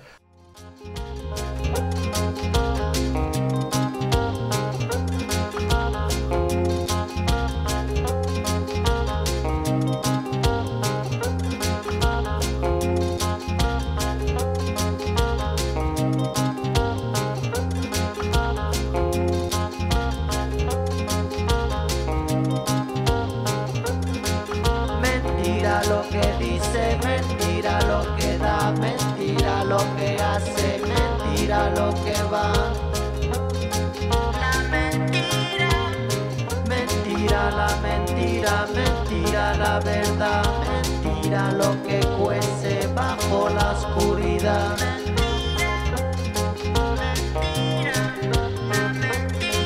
Mentira el amor, mentira el sabor, mentira la que manda, mentira comanda. Maar goed, dan kom je uit terug. Dus dan, dan weet je van dit, dit, dit wat ik als eindig zag, dat is dus ook eindig. Ja. Ik stop ermee. Ik heb dat besluit door de kerk heen, eh, weet ik veel hoe noem je dat Ja. noemt, de kogel door de kerk. Eh, Dan bespreek je dat thuis? Of, Ja. of gaat dat zonder bespreken in het, nee, eh, nee, in het huishouden? nee, dat, dat, bespreek je uiteraard. Maar Oké. uiteindelijk ben, is het wel, ik neem wel zelf die, dat, dat besluit natuurlijk. Er zijn allerlei mensen om me heen geweest. En zelf moet je zeggen, achteraf heb ik ook eens gedacht, waar begin je godsman? Wat geef je weg, wat gooi je weg? Maar Wat je zeggen die maten dan die je achterlaat? Die, die zeggen je bent gek, eh, goudmijn, eh, dat ook- soort dingen? Ja, maar, maar aan, de andere kant is het, aan de andere kant is het zo dat, dat, eh, dat de maten waar je mee werkt ook wel zien dat je niet op je plek bent. Ja, oké. En we zijn allemaal hoog opgeleide professionals. We weten echt wel wat er speelt in het menselijk brein, om het zo maar te zeggen. Dus wat dat betreft heb, je, heb ik... Zijn er, Nee, zat- maar als jij zat- het hebt over omzet maken, dan, dan zien ze misschien wel Nou, mijn een- schoonvader bijvoorbeeld een gezegd, "Je bent spil in, man." in, in, het, in, in, in de machine wegvallen. Ja, Dan denk ik, ja, dat is ook mijn poen. Dat klopt, dat is ook absoluut zo. Ja. En mijn schoonvader heeft ook wel tegen mij gezegd, "Maar je bent hartstikke gek, maar we gooien je, gooi, gooi je weg. Maar ik heb Ja, maar van die schoonvader heb je nooit wat aangetrokken. Dus, eh, hè, dus Nee, maar het is wel mijn keuze geweest. Ja. Hè? Daar hebben we eerder over gehad over keuze. Weet je, het is mijn Ja. keuze geweest. Dit is niet wat ik wil blijven tot aan de rest. Tot aan, en mijn vader is jong overleden. Ik zag allerlei mensen om me heen omvallen ook op allerlei plekken. Ik kreeg zelf ook lichamelijke klachten. Ja. Hoofdpijn en misselijk. En eh, als ik moest werken, dan eh, gaf dat een, eh, een bepaalde lichamelijke reactie bij mij. En ik dacht, dat wil ik gewoon niet meer. Ik heb geen zin om straks ergens tegen een boom te rijden en mijn kinderen zonder vader achter. Ik wil niet. Ik kies nu voor iets anders. Ik wil niet meer deze druk voelen. Ik wil het gewoon niet meer. Dus ik stop er wel mee. Maar word je dan gevraagd of ga je dan eh, een soort open sollicitatie? Of Ja. ben, je, ben je zo hoog aangeschreven dat, dat je dan vrij bent? Je bent vrij in principe. En dan, dan, komen eh, mensen dan op je af of zo? Heb je zo heb je, heb je, ben je zo gezien in dat wereldje? Of Nou, dat, dat is zo, zo erg is het niet, maar ik wist wel gewoon. Zo ik- erg nee, maar ik wist wel van plekken, ik wist van plekken waar ik graag zou, wil, zou willen Ja, werken. En, en, en, en, eh, en ik had op dat moment echt zoiets, nou weet je, het is wachten tot, dat plekje vrij komt, dan kwam dan ook, dan kwam ook vrij. Maar die wereld is vrij klein, mag ik dat aannemen, toch? Dat Ja, Dus er iedereen is op de hoogte van alle 500 radiologen. transfers en, eh, en, en moeilijke dingen. Er zijn minder, minder radiologen dan, dan commando's zijn in Nederland. Dus het is echt een klein wereldje. Dus eh, op een gegeven moment kwam dat plekje en ik had ook al wat. En dames en heren, die commando's, dat zijn er heel weinig. Dus op een gegeven moment kwam een plekje en toen ben ik daar eigenlijk heel snel eh, aangenomen na een jaar. Ik ben in totaal een jaar eruit geweest. Hm. En dat was een, eh dat jaar heeft me heel veel gebracht. Ik heb dus die coachingsopleiding gedaan in dat jaar. Ik heb dan ook een coachingpraktijk gestart, hè. dus dat doe ik ook nog steeds nu. Naast mijn werk als radioloog eh, doe ik coaching ook. Wat, wat, wat coach je dan, behalve je vrouw en je kinderen? Nou, met name mijn vrouw en mijn kinderen natuurlijk. En Ja, daar natuurlijk de meeste tijd in zitten. Nee, maar... nee, maar ik, coach, ik, coach, eh, eh, ik heb een coachingspraktijk specifiek gericht op eh, jonge dokters. Oké. Die met, alle, die met vergelijkbare problemen misschien wel eens een keer eh, in aanraking komen als waar ik zelf mee heb geworsteld. Hè. Zeg maar de, de, de bevrediging vinden in het werk wat je doet. Zit ik nou wel op de juiste plek? Moet ik hier blijven of moet ik weg? En dat is heel lastig, hè, want eh, het is een heel klein wereldje. Dus eh, er spelen heel veel. eh, het gaat om een carrièrevraagstuk over het algemeen waar ik me mee bezig hou. Van zit ik wel op de juiste plek? Moet ik weg? Moet ik iets anders gaan doen? dat is een heel moeilijk wereldje met een lastige vraagstelling. Want bij heel veel mensen eh, spelen er allerlei angsten. Van, bijvoorbeeld van, weet je, als ik nu hier stop, wat dat zijn dingen die ik zelf namelijk ook heb meegemaakt. Ja, wat, wat, wat zullen andere mensen daar wel niet van denken? Wat zijn de consequenties daarvan? Wat zijn de financiële consequenties? Kom ik ooit nog wel aan het werk? Hè? Wat, eh, dat soort angsten, die spelen dan een rol natuurlijk. En, en, Maar is dat, jouw coachschap, is dat absoluut voorbehouden aan medici? Of, Nou, of, ik, ja, of ik doe alleen medici, want ik werk Oh, voor... want? Nou, ik werk voor twee eh, grote eh, organisaties die zich specifiek... Oh, oké. hè. Dus Ze huren jou in. Ze huren me in, ja. Ja, ja, oké. Dus ik, hoef niet, ik doe niet zelf een acquisitie. Ik Oh, word gevraagd van, weet je... Mensen melden zich aan bij, Ja, ja, oké. bij twee grote organisaties. Eentje in Breda en de andere in Utrecht. De grootste van Nederland. eh, Eentje heet BKV en de andere heet is de VVA. Oh ja, ja, dat, ja, Ja. dat- oké. Daar, daar komen mensen met coachingsvragen en zij kijken dan van, hey, weet je, wie zit er in welke regio, wie heeft de tijd? En dan bellen ze mij, heb je tijd? En dan doe ik, ja, dan doe ik dat. Dan doe ik een traject met die vier of vijf of zes gesprekken. En dat doe ik gewoon naast mijn werk. En ik ben inmiddels ook met de coaching begonnen in het ziekenhuis. Dus ook in het ziekenhuis waar ik werk, doe ik ook coachingstrajecten. Van, of- of Met collega's. Met collega's, ja. En eh, daar probeer ik gewoon een, een, st- een, een stuk van mezelf in, in, in te leggen. Gewoon, hè. Dus de dingen die, eh, die ik tegen ben gekomen, waar ik eh, doorheen ben gegaan. Dat is tenminste mijn insteek. Ik ga ervan uit dat dat mij heeft geholpen. En doordat het mij heeft geholpen, denk ik dat ik daar ook andere mensen mee kan helpen die met vergelijkbare vragen worstelen. Hè. En dat blijkt heel veel eh, te bestaan. Er zijn heel veel mensen die daar behoefte aan hebben. Oké. Dat is de geneeskunde, de gezondheidszorg, met name de medisch specialistische wereld, is een hele een beetje een archaïsche wereld, hè, ouderwets. Met eh, veel eh, normen en waarden, Ja. eh, hard werken, niet lullen. Weet je, dat, dat zit er nog steeds een beetje in. Dus dat is best een, een lastig, eh, lastige wereld om dit, dit in te doen, maar dat, dat gebeurt wel steeds meer. Wat, maar wat is het nieuwe elan wat jij die mensen dan geeft? Wat, wat, wat denk jij Ja, te kunnen geven dan? ja, is dat jouw eigen ontwikkeling die je zelf hebt doorgemaakt? Je, je dieptepunten, je hoogtepunten? Of komt het door de, de, de- de- Natuurlijk, je neemt je eigen ding mee, maar komt het ook door die coachcursus waardoor je tot een bepaald concept bent gekomen? Nou, die coachcursus is denk ik eigenlijk alleen maar een, eh, een, eh, een cursus die jou een aantal stukken gereedschap geeft. Waardoor je gesprekken makkelijker kunt voeren, hè, wat trucjes aanleert. Ja. Maar de laag eronder, dat, dat, heb, dat zit eigenlijk al in je. Hè. Dus zeg maar, om te beginnen, de, de interesse in andere mensen. Maar daarnaast ook de, de, eh, de drive om andere mensen ook te willen helpen, om iets terug te geven aan anderen. Want ik ben nu 55, weet je wel. Ik, ik werk nog een tien jaar. Dat is een hele categorie mensen die veel jonger is dan ik. Ik heb ook heel sterk eh, de, de wil en de drang om ook die mensen te helpen. Ik vind dat leuk. Maar ik vind het ook dankbaar. En ik vind het ook goed, omdat ik het zelf misschien ook wel in bepaalde eh, stukken van mijn carrière gemist heb. Vaak heb ik van, God, was, er nou, was er nou maar iemand waar ik eens eventjes mee, eh, waar ik eens, even, waar ik eens eventjes mee kan, kan zitten, hè, maar die was er dan niet. Of Nee. was er niet. En ik probeer dat wel te zijn voor andere mensen. Nou ja, is dat dan meer een... Eh, mentorschap dan, moet je dat maar meer zo zien? Of, of, of... Ja, ja dat, dat, het is natuurlijk een, eh, een heel palet van, van vragen wat bij voorbij komt. Dat kan ook een simpel mentorschap zijn. Ik heb bijvoorbeeld ook een jongen die wil gewoon af en toe... Hè, die heeft, Gewoon die even levelen wil en af en toe even... levelen. Ja, die Ja, belt me één keer in de zes weken belt hij me op. Kunnen we eventjes een uurtje? Dan ga ik, een- gaan we een uurtje wandelen. maken we een rondje rond de Kralische Plas van een uur. Dan lullen we even een uurtje. Hij wil dan gewoon even gedurende een uur wat tegen mij aanhouden, zoals dat heet. Ja. Ik luister en ik vraag. Ik, vraag net, ik stel net de vragen die hij niet wil horen natuurlijk. En, ehm, en ik help hem daarmee. Oké, en wa- wanneer denk jij dan... eh, Het is genoeg geweest. nou ja, wanneer, wanneer denk je het verschil... hè, of de, de, de, de reden van het verschil te zijn geweest? Dat is Bij- de feedback. Je vraagt natuurlijk ook je vraagt feedback. Hè? Maar in die, en die hoef je niet te concreet te vragen, maar dat merk je gewoon. Als je dit werk doet, of als je dit soort trajecten doet, dan merk je, merk je veranderingen in mensen. Mensen gaan... eh, er gebeurt iets met mensen. Er komt iets in beweging. Vaak, Ja, is, vaak is dat het belangrijkste. Hè? Van, er moet even iets in beweging worden gezet. Hè? Mensen hebben vaak een vraag van eh, ik wil wat anders, maar het lukt me niet. Hè? Dus eh waar het dan, er zit van alles en nog wat tussen waarom dat niet gebeurt. Mensen willen bijvoorbeeld zitten op een bepaalde plek, die willen eigenlijk weg, maar ga niet weg om die redenen die ik net noemde. Hè? De financiële consequenties, wat vindt mijn moeder ervan? Eh, kom ik ooit nog wel aan het werk? Eh, School. Kan je, school, van alles nog wat. Ja. Als van de nou maar- kinderen dan? School? ja, dus er zijn allerlei redenen, dat noem je saboteurs noemen. Dat zijn allerlei redenen om het niet te doen, om die stap niet te nemen. Hè? Toen ik naar Santiago ging lopen, waren er allerlei redenen om te verzinnen om niet te gaan. Hè? Ik hoe moet het hier met die kinderen allemaal? En alles nog wat. Laat maar wauw achter. En toen ik stopte met, met werken in, in Breda, waren er allerlei redenen om het niet te doen. Dus namelijk, wat ik eigenlijk probeer te zeggen, is dat er, als je voor een bepaald besluit staat, zijn er altijd veel meer redenen te verzinnen om het niet te doen dan om het wel te doen. Ja, Het nee, natuurlijk. Ja, dan heb je natuurlijk over jouw vakgebied waarin mensen in een bepaalde leeftijd, je zegt 40, dus dan heb je al redelijk je studie afbetaald.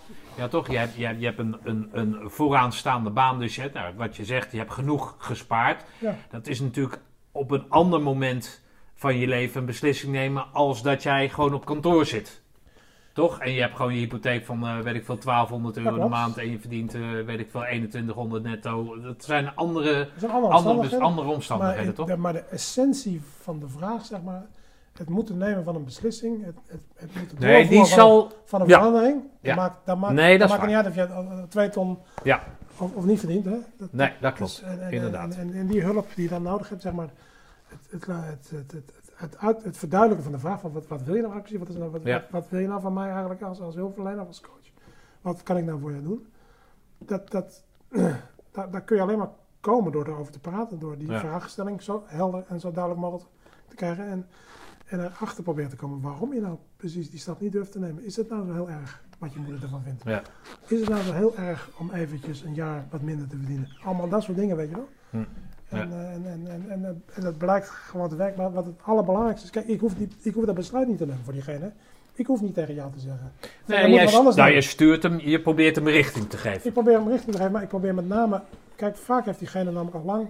Het antwoord op die vraag heeft hij al lang bij zich zitten. Op het moment dat hij namelijk besluit van, weet je, ik ga iemand zoeken om mij te helpen met deze vraag. Het blijkt zo te zijn dat het antwoord al, al, al vaak in die, in die persoon aanwezig is. Het gaat alleen om om het eruit te krijgen, om het ook diegene uit te laten spreken. Dus waar het met name om gaat, is om gewoon een, een beweging in gang te zetten. Van ga er nou eens over nadenken. Ga er nou eens mee werken. Schrijf het nou eens op bijvoorbeeld. Hè. En eh, nou, om dat soort dingen gaan, doen, dat vind ik ontzettend interessant. Dat vind ik heel erg leuk. Het geeft me heel veel bevredigingen. Ja. En eh, ik vind het gewoon ontzettend leuk om te doen. Ik vind het belangrijk werk, omdat ik weet dat er behoefte aan is. Ik vind het gewoon, eh, ik doe het om niet, hè, want ik hoef het voor mijn, natuurlijk krijg ik er een vergoeding voor. Ik doe het niet helemaal voor niks. Maar ik hoef er niet van te leven, weet je. Ik heb gewoon een salaris als radioloog. En ik doe het echt in mijn vrije tijd, doe ik het ernaast. Avonds, in de weekenden, of als ik een vrije dag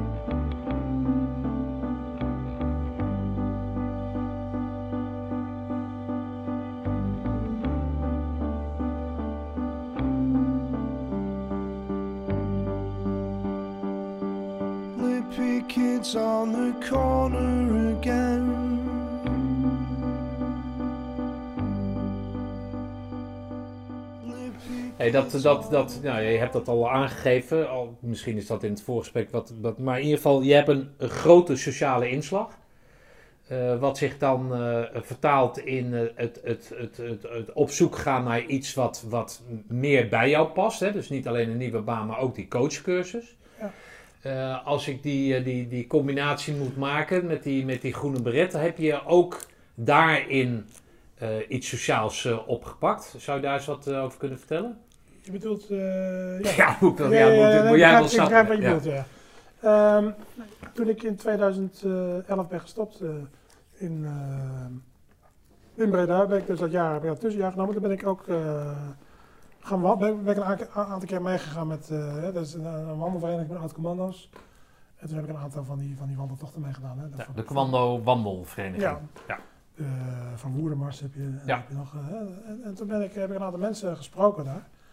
Die eigenlijk best wel actief waren in, eh, in, de, in de ondersteuning van de oud-commando's.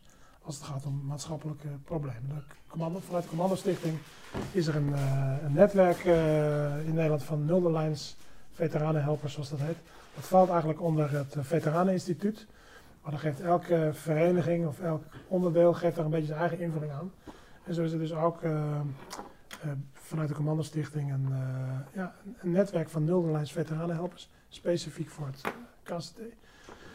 en daar heb ik toen, eh, ben ik, heb ik me toen bij aangesloten. Hè. Daar nou, dat doe ik dus. dus ik doe dus nul, nulderlijns ondersteuning. Nou weet ik, eh, omdat ik laatst een aantal veteranen geïnterviewd heb, die toevallig ook een groene bret hadden, maar dat terzijde. Maar dat je veteraan bent als je minimaal drie maanden op uitzending bent geweest. ja, hoe vertaalt zich dat? Wie, met wie kom jij in aanraking dan als nulde Ja. lijns veteranenzorg? Kijk, nul de lijn is echt, dat, het woord zegt dat is echt de eerste stap. Hè? En het is wel een, het is een uh, nul de lijns veteranenzorg is wel ondergebracht binnen een soort ambtelijke organisatie. Het is dus niet zo dat, het, eh, dat ik eh, als, als, eh, de boer op kan gaan en gewoon eens kijken, wanneer zijn er mensen die ergens geholpen moeten worden. Nee, daar gaat vervolgens, daar, daar zit, daar zit een, een systematiek zit erachter en die systematiek loopt via het Veteraneninstituut. Mensen moeten zich daar melden. En dan wordt er contact opgenomen met, het, eh, met de Commandostichting of met de eh, Veteranencommissie van het KCT. En dan wordt er iemand gezocht.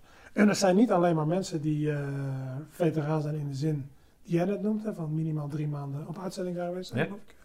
Maar dat zijn gewoon, eigenlijk betreft het alle groene beret gerechtigden in Nederland. Oh, Dus dus ook dus dat is de spreken van- eigen invulling die dan het KST kan maken over de definitie van Ja. wat is een veteraan. En, en, dan gaat, en, en, en de vraagstelling waar het op dat, en de vraagstelling is heel breed. Hè? Het gaat gewoon, dat is maatschappelijke ondersteuning, psychosociale ondersteuning, een luisterend oor, van alles en nog wat. Hè? Dat, en dat is eigenlijk heel, dat is een hele brede, heel breed vangnet. En het is ook een hele brede doelgroep. En, eh, eh, en heel ambtelijk ingericht, om het zo maar te zeggen. Met, met regio's waarbij in elke regio twee mensen zitten. En verplichte bijscholingen een aanmelding via het Veteraneninstituut met om een vaste telefoon. Best heel ambtelijk, moet ik eerlijk zeggen. Dan vind ik wel een beetje de beperking van het systeem. Ambtelijk of goed, goed ingericht? Wat, wat, wat? Eh, nou, ja, ik- het mag wat. Het zou wat. Ik vind het. Ik, laat ik anders zeggen. Jij weet niet van het bestaan af van nulderlijns veteranenhelpers. Nee, maar dat kan ook aan mij liggen. Dat kan aan jou liggen. Maar ik heb het idee dat de zichtbaarheid en de bekendheid beperkt is. Hè? Dat, dat, dat veel mensen zijn die wellicht behoefte daaraan hebben. Aan een gesprek met een ehm eh, mede-commando, oud-commando, wat dan ook. Omdat dat wellicht iemand is die die vertrouwt. Omdat ze misschien een soort gezamenlijke prestatie hebben verricht in het verleden. Waarvan je denkt, nou, dit is een oud-commando. Ik, heb, ik zit ergens mee, ik wil graag eens met een oud-commando ergens over praten. Maar dat die bekendheid of die zichtbaarheid daarvan eh, toch beperkt is, onvoldoende is eigenlijk. Want ik merk gewoon dat er heel weinig mensen zijn die, die überhaupt op de hoogte zijn van het bestaan van deze systematiek. Dat vind ik niet, in orde. En ik weet dat er nog andere initiatieven zijn. Hè? Je hebt ook nog eh, family support bijvoorbeeld. Hè? Dat richt zich dan wel met name op eh, veteranen passende binnen de definitie zoals jij die net gaf. Ja. Maar eigenlijk zit dat een beetje in hetzelfde. Hè? Eigenlijk is het gewoon heel Nou ja, we hebben het natuurlijk in het voorgesprek erover gehad. Dus ik moet even zorgen dat ik natuurlijk wel de juiste dingen benoem. Want anders wordt het een beetje een, eh, een, een vaag verhaal. Maar wat het wellicht eh, eh, zo niet transparant maakt, is de term veteraan. Terwijl Ja. jij zegt dat het voor iedereen die een groene beret Ja. heeft en tegen problemen aanloopt, op wat voor manier dan ook, Eh, toegankelijk is. Ja. En dat veteraan heeft natuurlijk door de vele uitzendingen niet, die niet zozeer het korps alleen heeft, maar defensie in hè, defensie breed. Heeft die, die, de, de term veteraan natuurlijk een bepaalde inhoud gekregen, die voor mensen die dienstplichtig zijn geweest, zoals wij, Ik denk er hoor ik niet bij, denk ik niet. die dan Ja. het- da- daaruit opmaken dat ze er niet bij horen. Dat klopt, dat is helemaal zo. Dat is helemaal waar, absoluut. Ja. Zeker, ja. Kijk, en daar, daar ligt een enorme uitdaging. Hè? En die uitdaging, die, op het moment dat ik hem benoem, zou eigenlijk de volgende stap moeten zijn. Nou, dan moet ik die uitdaging ook oppakken om daar wat aan te doen. Maar ik, ik, ik- weet je, ik ben, ik ben, ik sta volop in het werk samen leven nog eigenlijk. Ik heb, ik moet... Nee, maar zo zie je er ook uit. Maak je geen zorgen. Mensen zien je niet, tijd, maar ik geef aan. Ja, Je staat nog midden in de ik, maatschappij. er, ik laat, laat ik het anders zeggen. Ik zou, er graag, ik zou het graag anders willen. Ik zou het graag beter ingevuld willen hebben. Maar mij ontbreekt eigenlijk de tijd. Ja, Oké, maar je kan wel schetsen wat je dan voor je zou zien. Noem jij nou eens. Vind- Wat, wat, wanneer zou het nou volgens jou dan? Hè? Ik ken het niet. Ik denk dat er wel meer mensen het niet kennen. Hoe zou het er dan moeten uitzien en hoe, hoe toegankelijk zou het dan moeten zijn? Zie je dan één vast telefoonnummer voor Ja. je of een mailadres of een, een aanspreek? Hoe zie jij de meest ideale vorm zoals jij dat dan Kijk, wij, leven nu in 2020 en je ziet in deze coronatijd dat eh, iedereen... eh, 21? 2021, iedereen moet thuiswerken. En het blijkt gewoon dat in deze tijd van social media, eh, glasvezel, iedereen 100% 24 uur per dag bereikbaar is. Hè? Ja. We leven niet meer in 1970, waarin het allemaal moeizaam moest. Met, met telegrammen en met weet ik het allemaal, maar brieven. Morsen. Iedereen is, iedereen is, oh, morsen, ja. Iedereen is fantastisch bereikbaar. Hè? Dus met andere woorden, er is een, een ongelooflijk eh, mogelijkheid om middels social media of internet of wat dan ook gewoon de, eh, te communiceren in het algemeen. dat het bestaat. Hè? Ja. Dus je moet, om te beginnen, je moet dus binnen de hele commandogemeenschap, het- als je het aan mij vraagt, zijn, moet je dus eh, bekendheid geven aan dit, aan dit. Aan het feit dat dat dus goed opgeleide mensen zijn, betrokken mensen zijn, maar met name betrouwbare en ook discrete mensen zijn die klaarstaan om, eh, ja, noem het maar heel simpel, zijn, jou te helpen. Met, en jij noemde daar straks al even voor, al eventjes, dat kan zijn een ritje naar het ziekenhuis. Maar dat kan ook gewoon eens even een luisteren toch van ik zit eventjes eh, even niet lekker. Of ik heb financiële problemen, hoe kom ik daaruit? Ik heb een, eh, Ja, en dan nogmaals, waar, waar, waar Ray Klaassen en zijn compagnon Onno zich op richten, is de, de, de, de veteraan na 93, als Ja. ik het goed heb begrepen. Dus echt de jongens die de echte shit hebben meegemaakt. ja, En om het heel simpel te stellen, wat jullie doen, is alles daarvoor. ja, Of tussen, tussen zeg maar, Ja. nou ja, goed, de, de, de, de, de Indie-veteranen, nou, dat is bijna opgedroogd. Omdat, nou, door Ja, leeftijd natuurlijk. Daar zit dan een stukje eh, Libanon, waar, hè, waar het dan eventueel ja. en daar, nou, in ieder geval in dit periode. Dus vraag- alles dienstplichtig. Maar de vragen waar mensen bij komen, de, vragen, de hulpvragen die er bestaan, die kunnen in, beide groepen hetzelfde zijn natuurlijk. Ja. Het is niet zo dat er in, de, in, die, in, die, in, die vroege, in die vroege periode andere vragen leven dan, in de, dan bij de populatie mensen die bij uitzending zijn geweest. Hè? Nee. Daar, kan, daar, kan, daar zit gewoon heel veel overlap, laat ik het zo zeggen. Ja. Daar ben ik van overtuigd. En dat je dat gewoon veel beter kunt stroomleiden. Je moet, er, ja, je moet over nadenken, hoe richt je die systematiek in? Met welke mensen, hoe leid je ze op? Maar, en hoe geef je de bekendheid aan? En, en daarbij een aantal eh, ankers in beeld houden. Eh, eh, Dat is dis- discretie, betrouwbaarheid, maar ook professionaliteit. Daar weten we het over gaat. Niet elke Jan Boer lul in zo'n traject sturen, maar gewoon echt goed getrainde en opgeleide mensen. Dat soort gesprekken laten Want jullie zijn daarvoor opgeleid. Ja. Afgezien van je eigen opleiding ben je een We zijn, soort... opge- we zijn getraind, we zijn Ja, er door, wie, door wie word je dan vanuit het opgeleid? Veteraneninstituut, maar ook, Ah, door, ook door mensen vanuit de Commandostichting zijn er mensen die daarvoor getraind zijn. Die trainingen geven. Hè. Dat zijn feedbackbesprekingen, dat is, dat is casuïstiek, dat, is ook, dat zijn stukken theorie. Dat Maar dat wat, wat, voor, een- wat, wat voor een collega's binnen dat gebeuren heb jij dan? Zijn dat allemaal medici? Of zijn dat Nee, ook ondernemers, Nee, eh, weet ik wat? is helemaal, dat zijn, en dat vind ik wel een beetje binnen die, binnen die eh, nulde lijners. Daar zitten vaak wel de gepensioneerden, om het zo maar te zeggen. Er zijn vaak de wat oudere, oudere mensen die eigenlijk al eh, het einde van hun carrière zijn gepasseerd.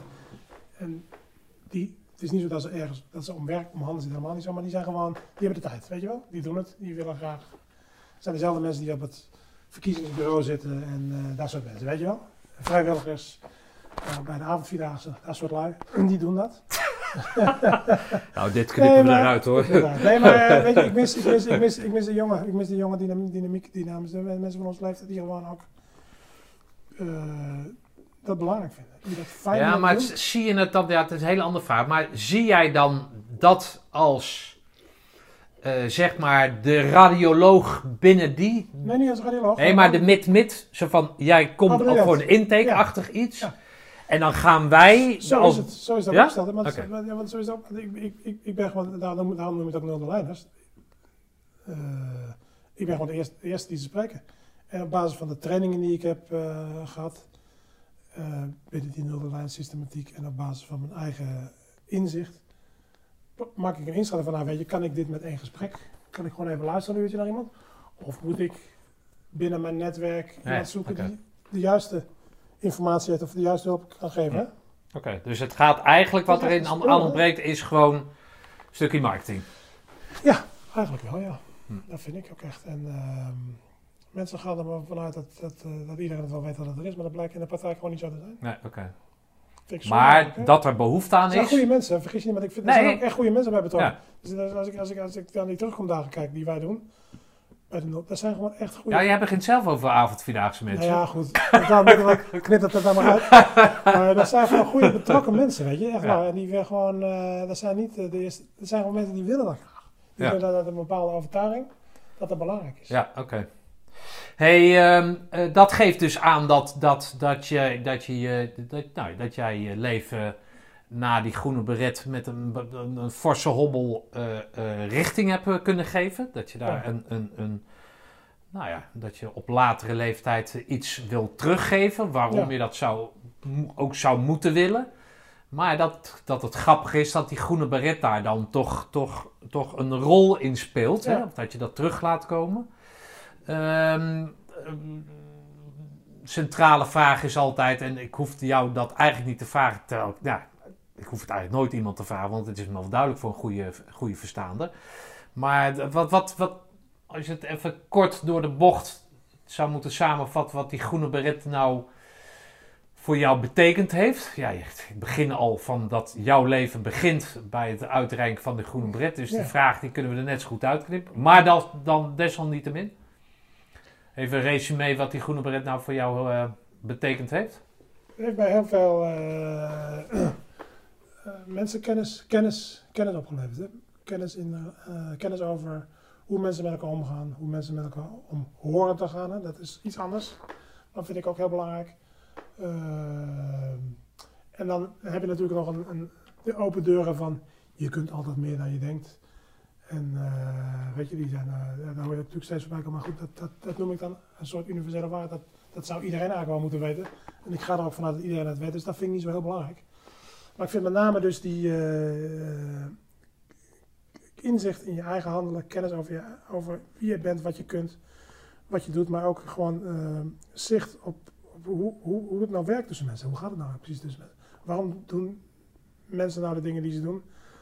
En ehm, dat Is dat, is, dat- gebracht. is dat altijd over je leven heen te plakken? Hetgeen wat je daar hebt geleerd over groepen mensen met mensen omgaan, hoe mensen met elkaar omgaan, is dat je daar eh, duidelijk geworden in die ACO en is dat overal toe, toe- nou ja, als, als een soort velletje Ja, eroverheen te leggen? Ik ben best heel vaak, eh, ik weet niet hoe dat met jou is, misschien herkennen mensen dat.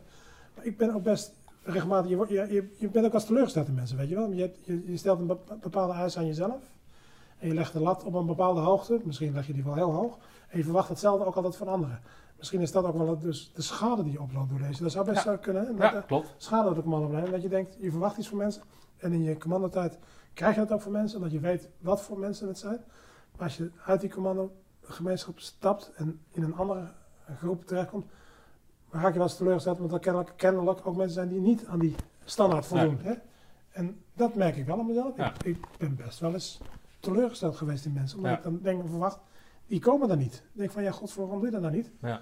Ja, ik kom wel meer mensen tegen, vanwege die podcast natuurlijk, die daar, die daar moeite mee hebben. Ze zijn al 30, 35 jaar uit dienst en die hebben er altijd nog moeite, zeker hè, in een eigen zaakachtige omgeving, dat mensen niet doen.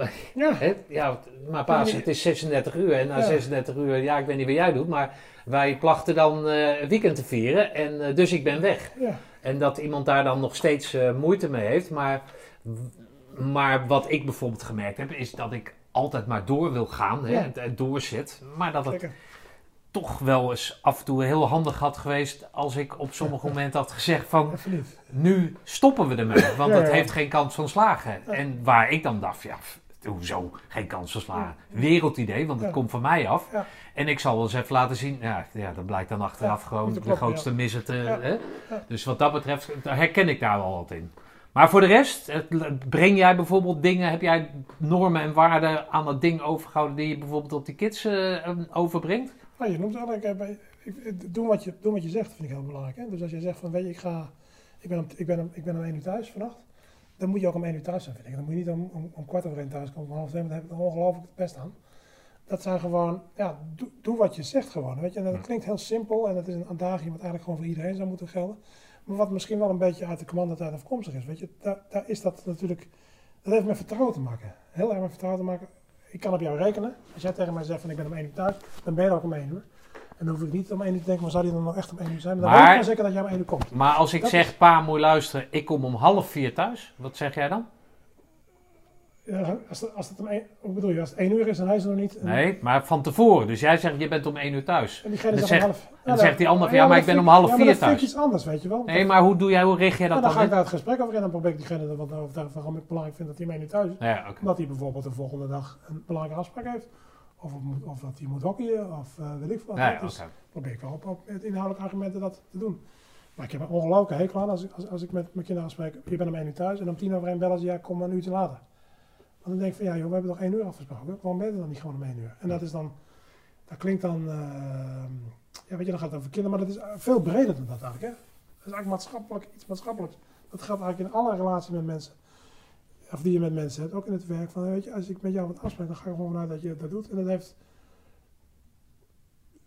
met vertrouwen te maken. Gewoon, weet je. Ik v- v- vertrouw elkaar. Hè. Ik hoef, eh, dat zie ik bijvoorbeeld in het werk ook. hè. Ik heb heel lang in het werk management gedaan. Ik heb, ben zes jaar hoofd van de afdeling geweest bij ons. En toen zat ik een beetje in die vaandelingsfunctie waar we het net over hadden tussen de raad van bestuur Nee. en de vakgroep. Weet je Oh, wel. grappig. Mag ik je- jou Gerry noemen of niet? Maar dan zie je gewoon ook dat, dat, eh, dat noem ik een beetje de managementziekte. Weet je, er is een ongelofelijke eh, tendens, met name in de gezondheidszorg, ik weet niet precies hoe het in andere, andere is, om alles vast te leggen in, in protocolletjes en vragenlijsten en toetsen en audits en weet ik het allemaal. Maar dat heeft allemaal met, dat is daar ook, heeft ook mee te maken. Dat heeft ook met vertrouwen te maken. Als, als, als mijn baas mij aanneemt voor een bepaalde baan, dan moet je er toch vanuit kunnen gaan dat hij mij kennelijk geschikt vindt voor het werk. En dan moet hij ook het vertrouwen hebben dat ik dat werk goed doe. Waarom moet ik dan alles vastleggen in audits en in vinkenlijstjes? En dat heeft ook allemaal met vertrouwen te maken. Dus eigenlijk, hè, dat lijkt een ander van, maar in wezen is het allemaal hetzelfde. Het Nee, het is hetzelfde. maken, hè? Ja. Ik heb vertrouwen te maken. Ik vind jou goed voor je werk, ik neem je aan. Je gaf het zelf net ook al een beetje aan. Dus ga er dan in godsnaam vanuit dat ik dat werk ook gewoon goed Ja. doe. Het heeft ook met vertrouwen te maken. En dat, ik denk dat dat, eh, doe wat je zegt. Dat- is hetgeen dat- wat je... Dat is het, wat je ik? Dat is Ja, het, denk ik. En, en, en nog, nog, nogmaals wat ik net zei. Dan, de consequentie daarvan is dat je dus regelmatig teleurgesteld bent in mensen. Nou, dat klopt inderdaad. Maar dat wil niet zeggen dat ik mijn eigen normen en waarden aan zou moeten passen. Want ik vind dat heel belangrijk. Ik vind dat misschien wel een van de belangrijkste dingen die, die er eh, tussen mensen bestaan. Hm. Doe gewoon wat je zegt en hou je aan je afspraken. Ja, Mooi man. ja. Ja, we hebben ook die overtuiging waarmee het Ja, En die blik. Ja, mensen kunnen podcast, kunnen het niet zien, maar godverdomme man. ja, vind ik echt. Ja, nou ja, oké. Nou, is toch mooi dat je dat dan, eh, dat je dat dan eh, ja, door al die jaren heen als een, als een, eh, als een vaste waarde in je leven beschouwt, toch? De vraag is alleen natuurlijk, had ik dat, had ik, had ik dat zo, had was het niet, is het niet zo dat ik dat sowieso had? Nou ja, dat Hè? is natuurlijk altijd Zit het, vraag. al, zit het Ja. al in je, want dat, dat, dat zie je natuurlijk in, de, in, die- in die, het programma van, eh, van eh, Kamp van Koningsbrug, zie je dat ook, van je bent het eigenlijk al. Hè? Je moet alleen nog even deze training door om het ook daadwerkelijk te laten zien dat je het bent. Met andere woorden, wat ik nu tegen jou zeg maar dat, over de- ja, nee, maar ik denk ik dat dat dat nu Ja. anders is. hè, En, helemaal niet om. Maar dat dienstplichtige. Dat was gewoon ja, een onderdeel van je leven. Dat, Ja. hè, of je dat nou leuk vond of niet, dat was een vaststaand iets. Ja. Dus daarin eh, kon je het eerder testen. Hè? Of het, het werd je aangeboden of je moest het volgen. Want het was onderdeel van het leven. Nu moet je er echt voor kiezen natuurlijk. Ja.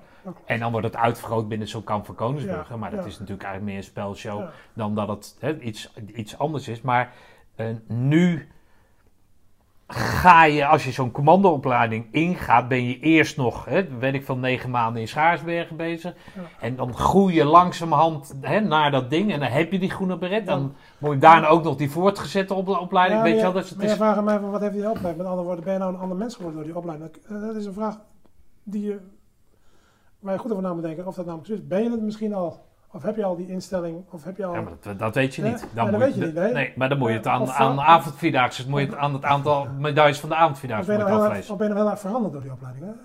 Dat is een beetje Ja, dat, eh, ja, de vraag. zo zou het in kunnen vullen, ja. En, eh, of, of zijn er dingen die je eigenlijk al wist en eigenlijk al bij je had, zijn die alleen maar duidelijker geworden door eh, gedurende een bepaalde periode zo'n intensieve opleiding te doen? En is het eigenlijk eh, nog een, een nog duidelijker onderdeel van je handelen en van je persoonlijkheid geworden? Maar was het er eigenlijk al?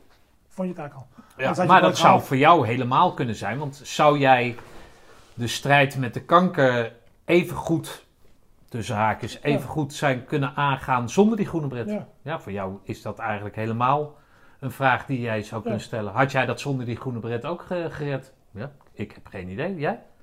Dat kan ik niet beantwoorden, die vraag. Nee, maar hoe, Nee. hoe kan je nou ooit opgewassen zijn tegen, tegen, Tegen zo'n doodstrijd? Daar word je Ja. toch niet voor opgeleid? Dus dat Nee. zal je dan weer in je hebben. Ja. Dan kennelijk. Het zal ongetwijfeld, zoals voor heel veel dingen in het leven gaat, een combinatie zijn. Het zal een beetje van dit en een beetje van dat zijn. Maar ik ben er wel van overtuigd dat je al een soort preset moet hebben om het te kunnen halen. En dat die preset eh, eh, zich uitkristalliseert tijdens de opleiding. Of de periode daarna. Of door de mensen waarmee je weg gaat werken. Of mee in contact komt. Of gesprekken die je voert. Maar dat er wel een soort... Er is natuurlijk een voorwaarde om het, om het succesvol af te ronden. Eh, ik denk niet dat je heel erg verandert door de opleiding, maar ik denk meer dat heel veel dingen veel duidelijker worden. Ja. En dat dingen zich uitkristalliseren. En dat er, eh, dat, je, dat er inzichten ontstaan bij jezelf. Ja. Waar je de rest van je leven eh, toch, denk ik, profijt van hebt. Heb ik dingen niet, aan, niet aangetipt die jij belangrijk vindt? Heb, ben ik, kortom, ben ik wat vergeten te vragen aan je? Eh, nee, ja, weet je, ja, weet je, nee, nee. We hebben een fijn gesprek gehad, vind ik. En eh, wanneer zit je nou eens, eh, want dat is ook een vraag, dat- daarom vind ik het zo leuk dat je dit doet. Wanneer zit je nou eens gewoon twee of drie uur met iemand zo te praten? Ik doe het in mijn coaching, doe ik dat. Ja? En, maar dat, dat, daar heb je natuurlijk eigenlijk normaal gesproken helemaal, dan neem je daar de tijd helemaal niet voor, hè? En hoe fijn is dat eigenlijk? Ehm, nee, maar je moet natuurlijk wel. Ja, mijn voordeel, hè, als zie het als een voordeel, is dat je natuurlijk mensen, dat hebben we al eerder besproken, of in het voorgesprek, je praat natuurlijk met iemand die iets gedaan heeft eh, in een tijd die totaal niet gevaarlijk was, Ja. maar en waar jij voor de rest van de tijd met nooit iemand over kan praten. Ja, met, met, met je beste vriend Ja. en die maat uit, eh, uit Limburg dan waar je mee gaat wandelen. Maar voor de rest van de tijd, ja, doe je dat niet. Nee, hè? En dat maakt natuurlijk dat je... Ja, ik denk dat als jij van uh, autoracen houdt en je komt toevallig op vakantie in een, in, ja, een kerel die ook helemaal gek is van. Jos. En die heet ook toch dat je uren over Jos kan eh, praten. Ja, ik heb er niks mee, maar snap je? Dus dat, ja. Maar dat, ja, inderdaad. Dat, eh, nou, en daarom lijkt me het zo fijn om zo'n wandeling in de Harts of in Drenthe of waar dan ook te maken. Omdat je natuurlijk een gezamenlijk onderwerp hebt. Hij mag dan niet ja, op de foto, dat vind ik dan een beetje kinderachtig dat jullie met z'n tweeën. En dan ga je ook nog terug. Maar goed, dat is een heel ander verhaal. Maar het- ja, dat lijkt. Ja. En dan het, samen in de natuur. Ja, toch? Ja, ja. En dan, eh, en dan langdurig met elkaar kunnen wandelen, optrekken en dan praten. Ja. Nou, dan wou ik jou eh, bedanken, Mark, voor je, voor, je, voor je mooie verhaal. ja, bedankt. En voor de gastvrijheid. Ja, het is even jammer dat ik nu terug moet lopen. Want het was wij wel beloofd dat ik ook teruggebracht zou worden. Maar goed, dames en heren. Ja, Het is niet anders. Dankjewel, man. Oké. Nou, dat was hem dan weer. Mark en Simone, ik heb genoten van de gastvrijheid, de warmte van jullie gezin, het verhaal van Mark en de constante relativering van haar die hij al 35 jaar naast zich weet. Dank en graag tot ziens.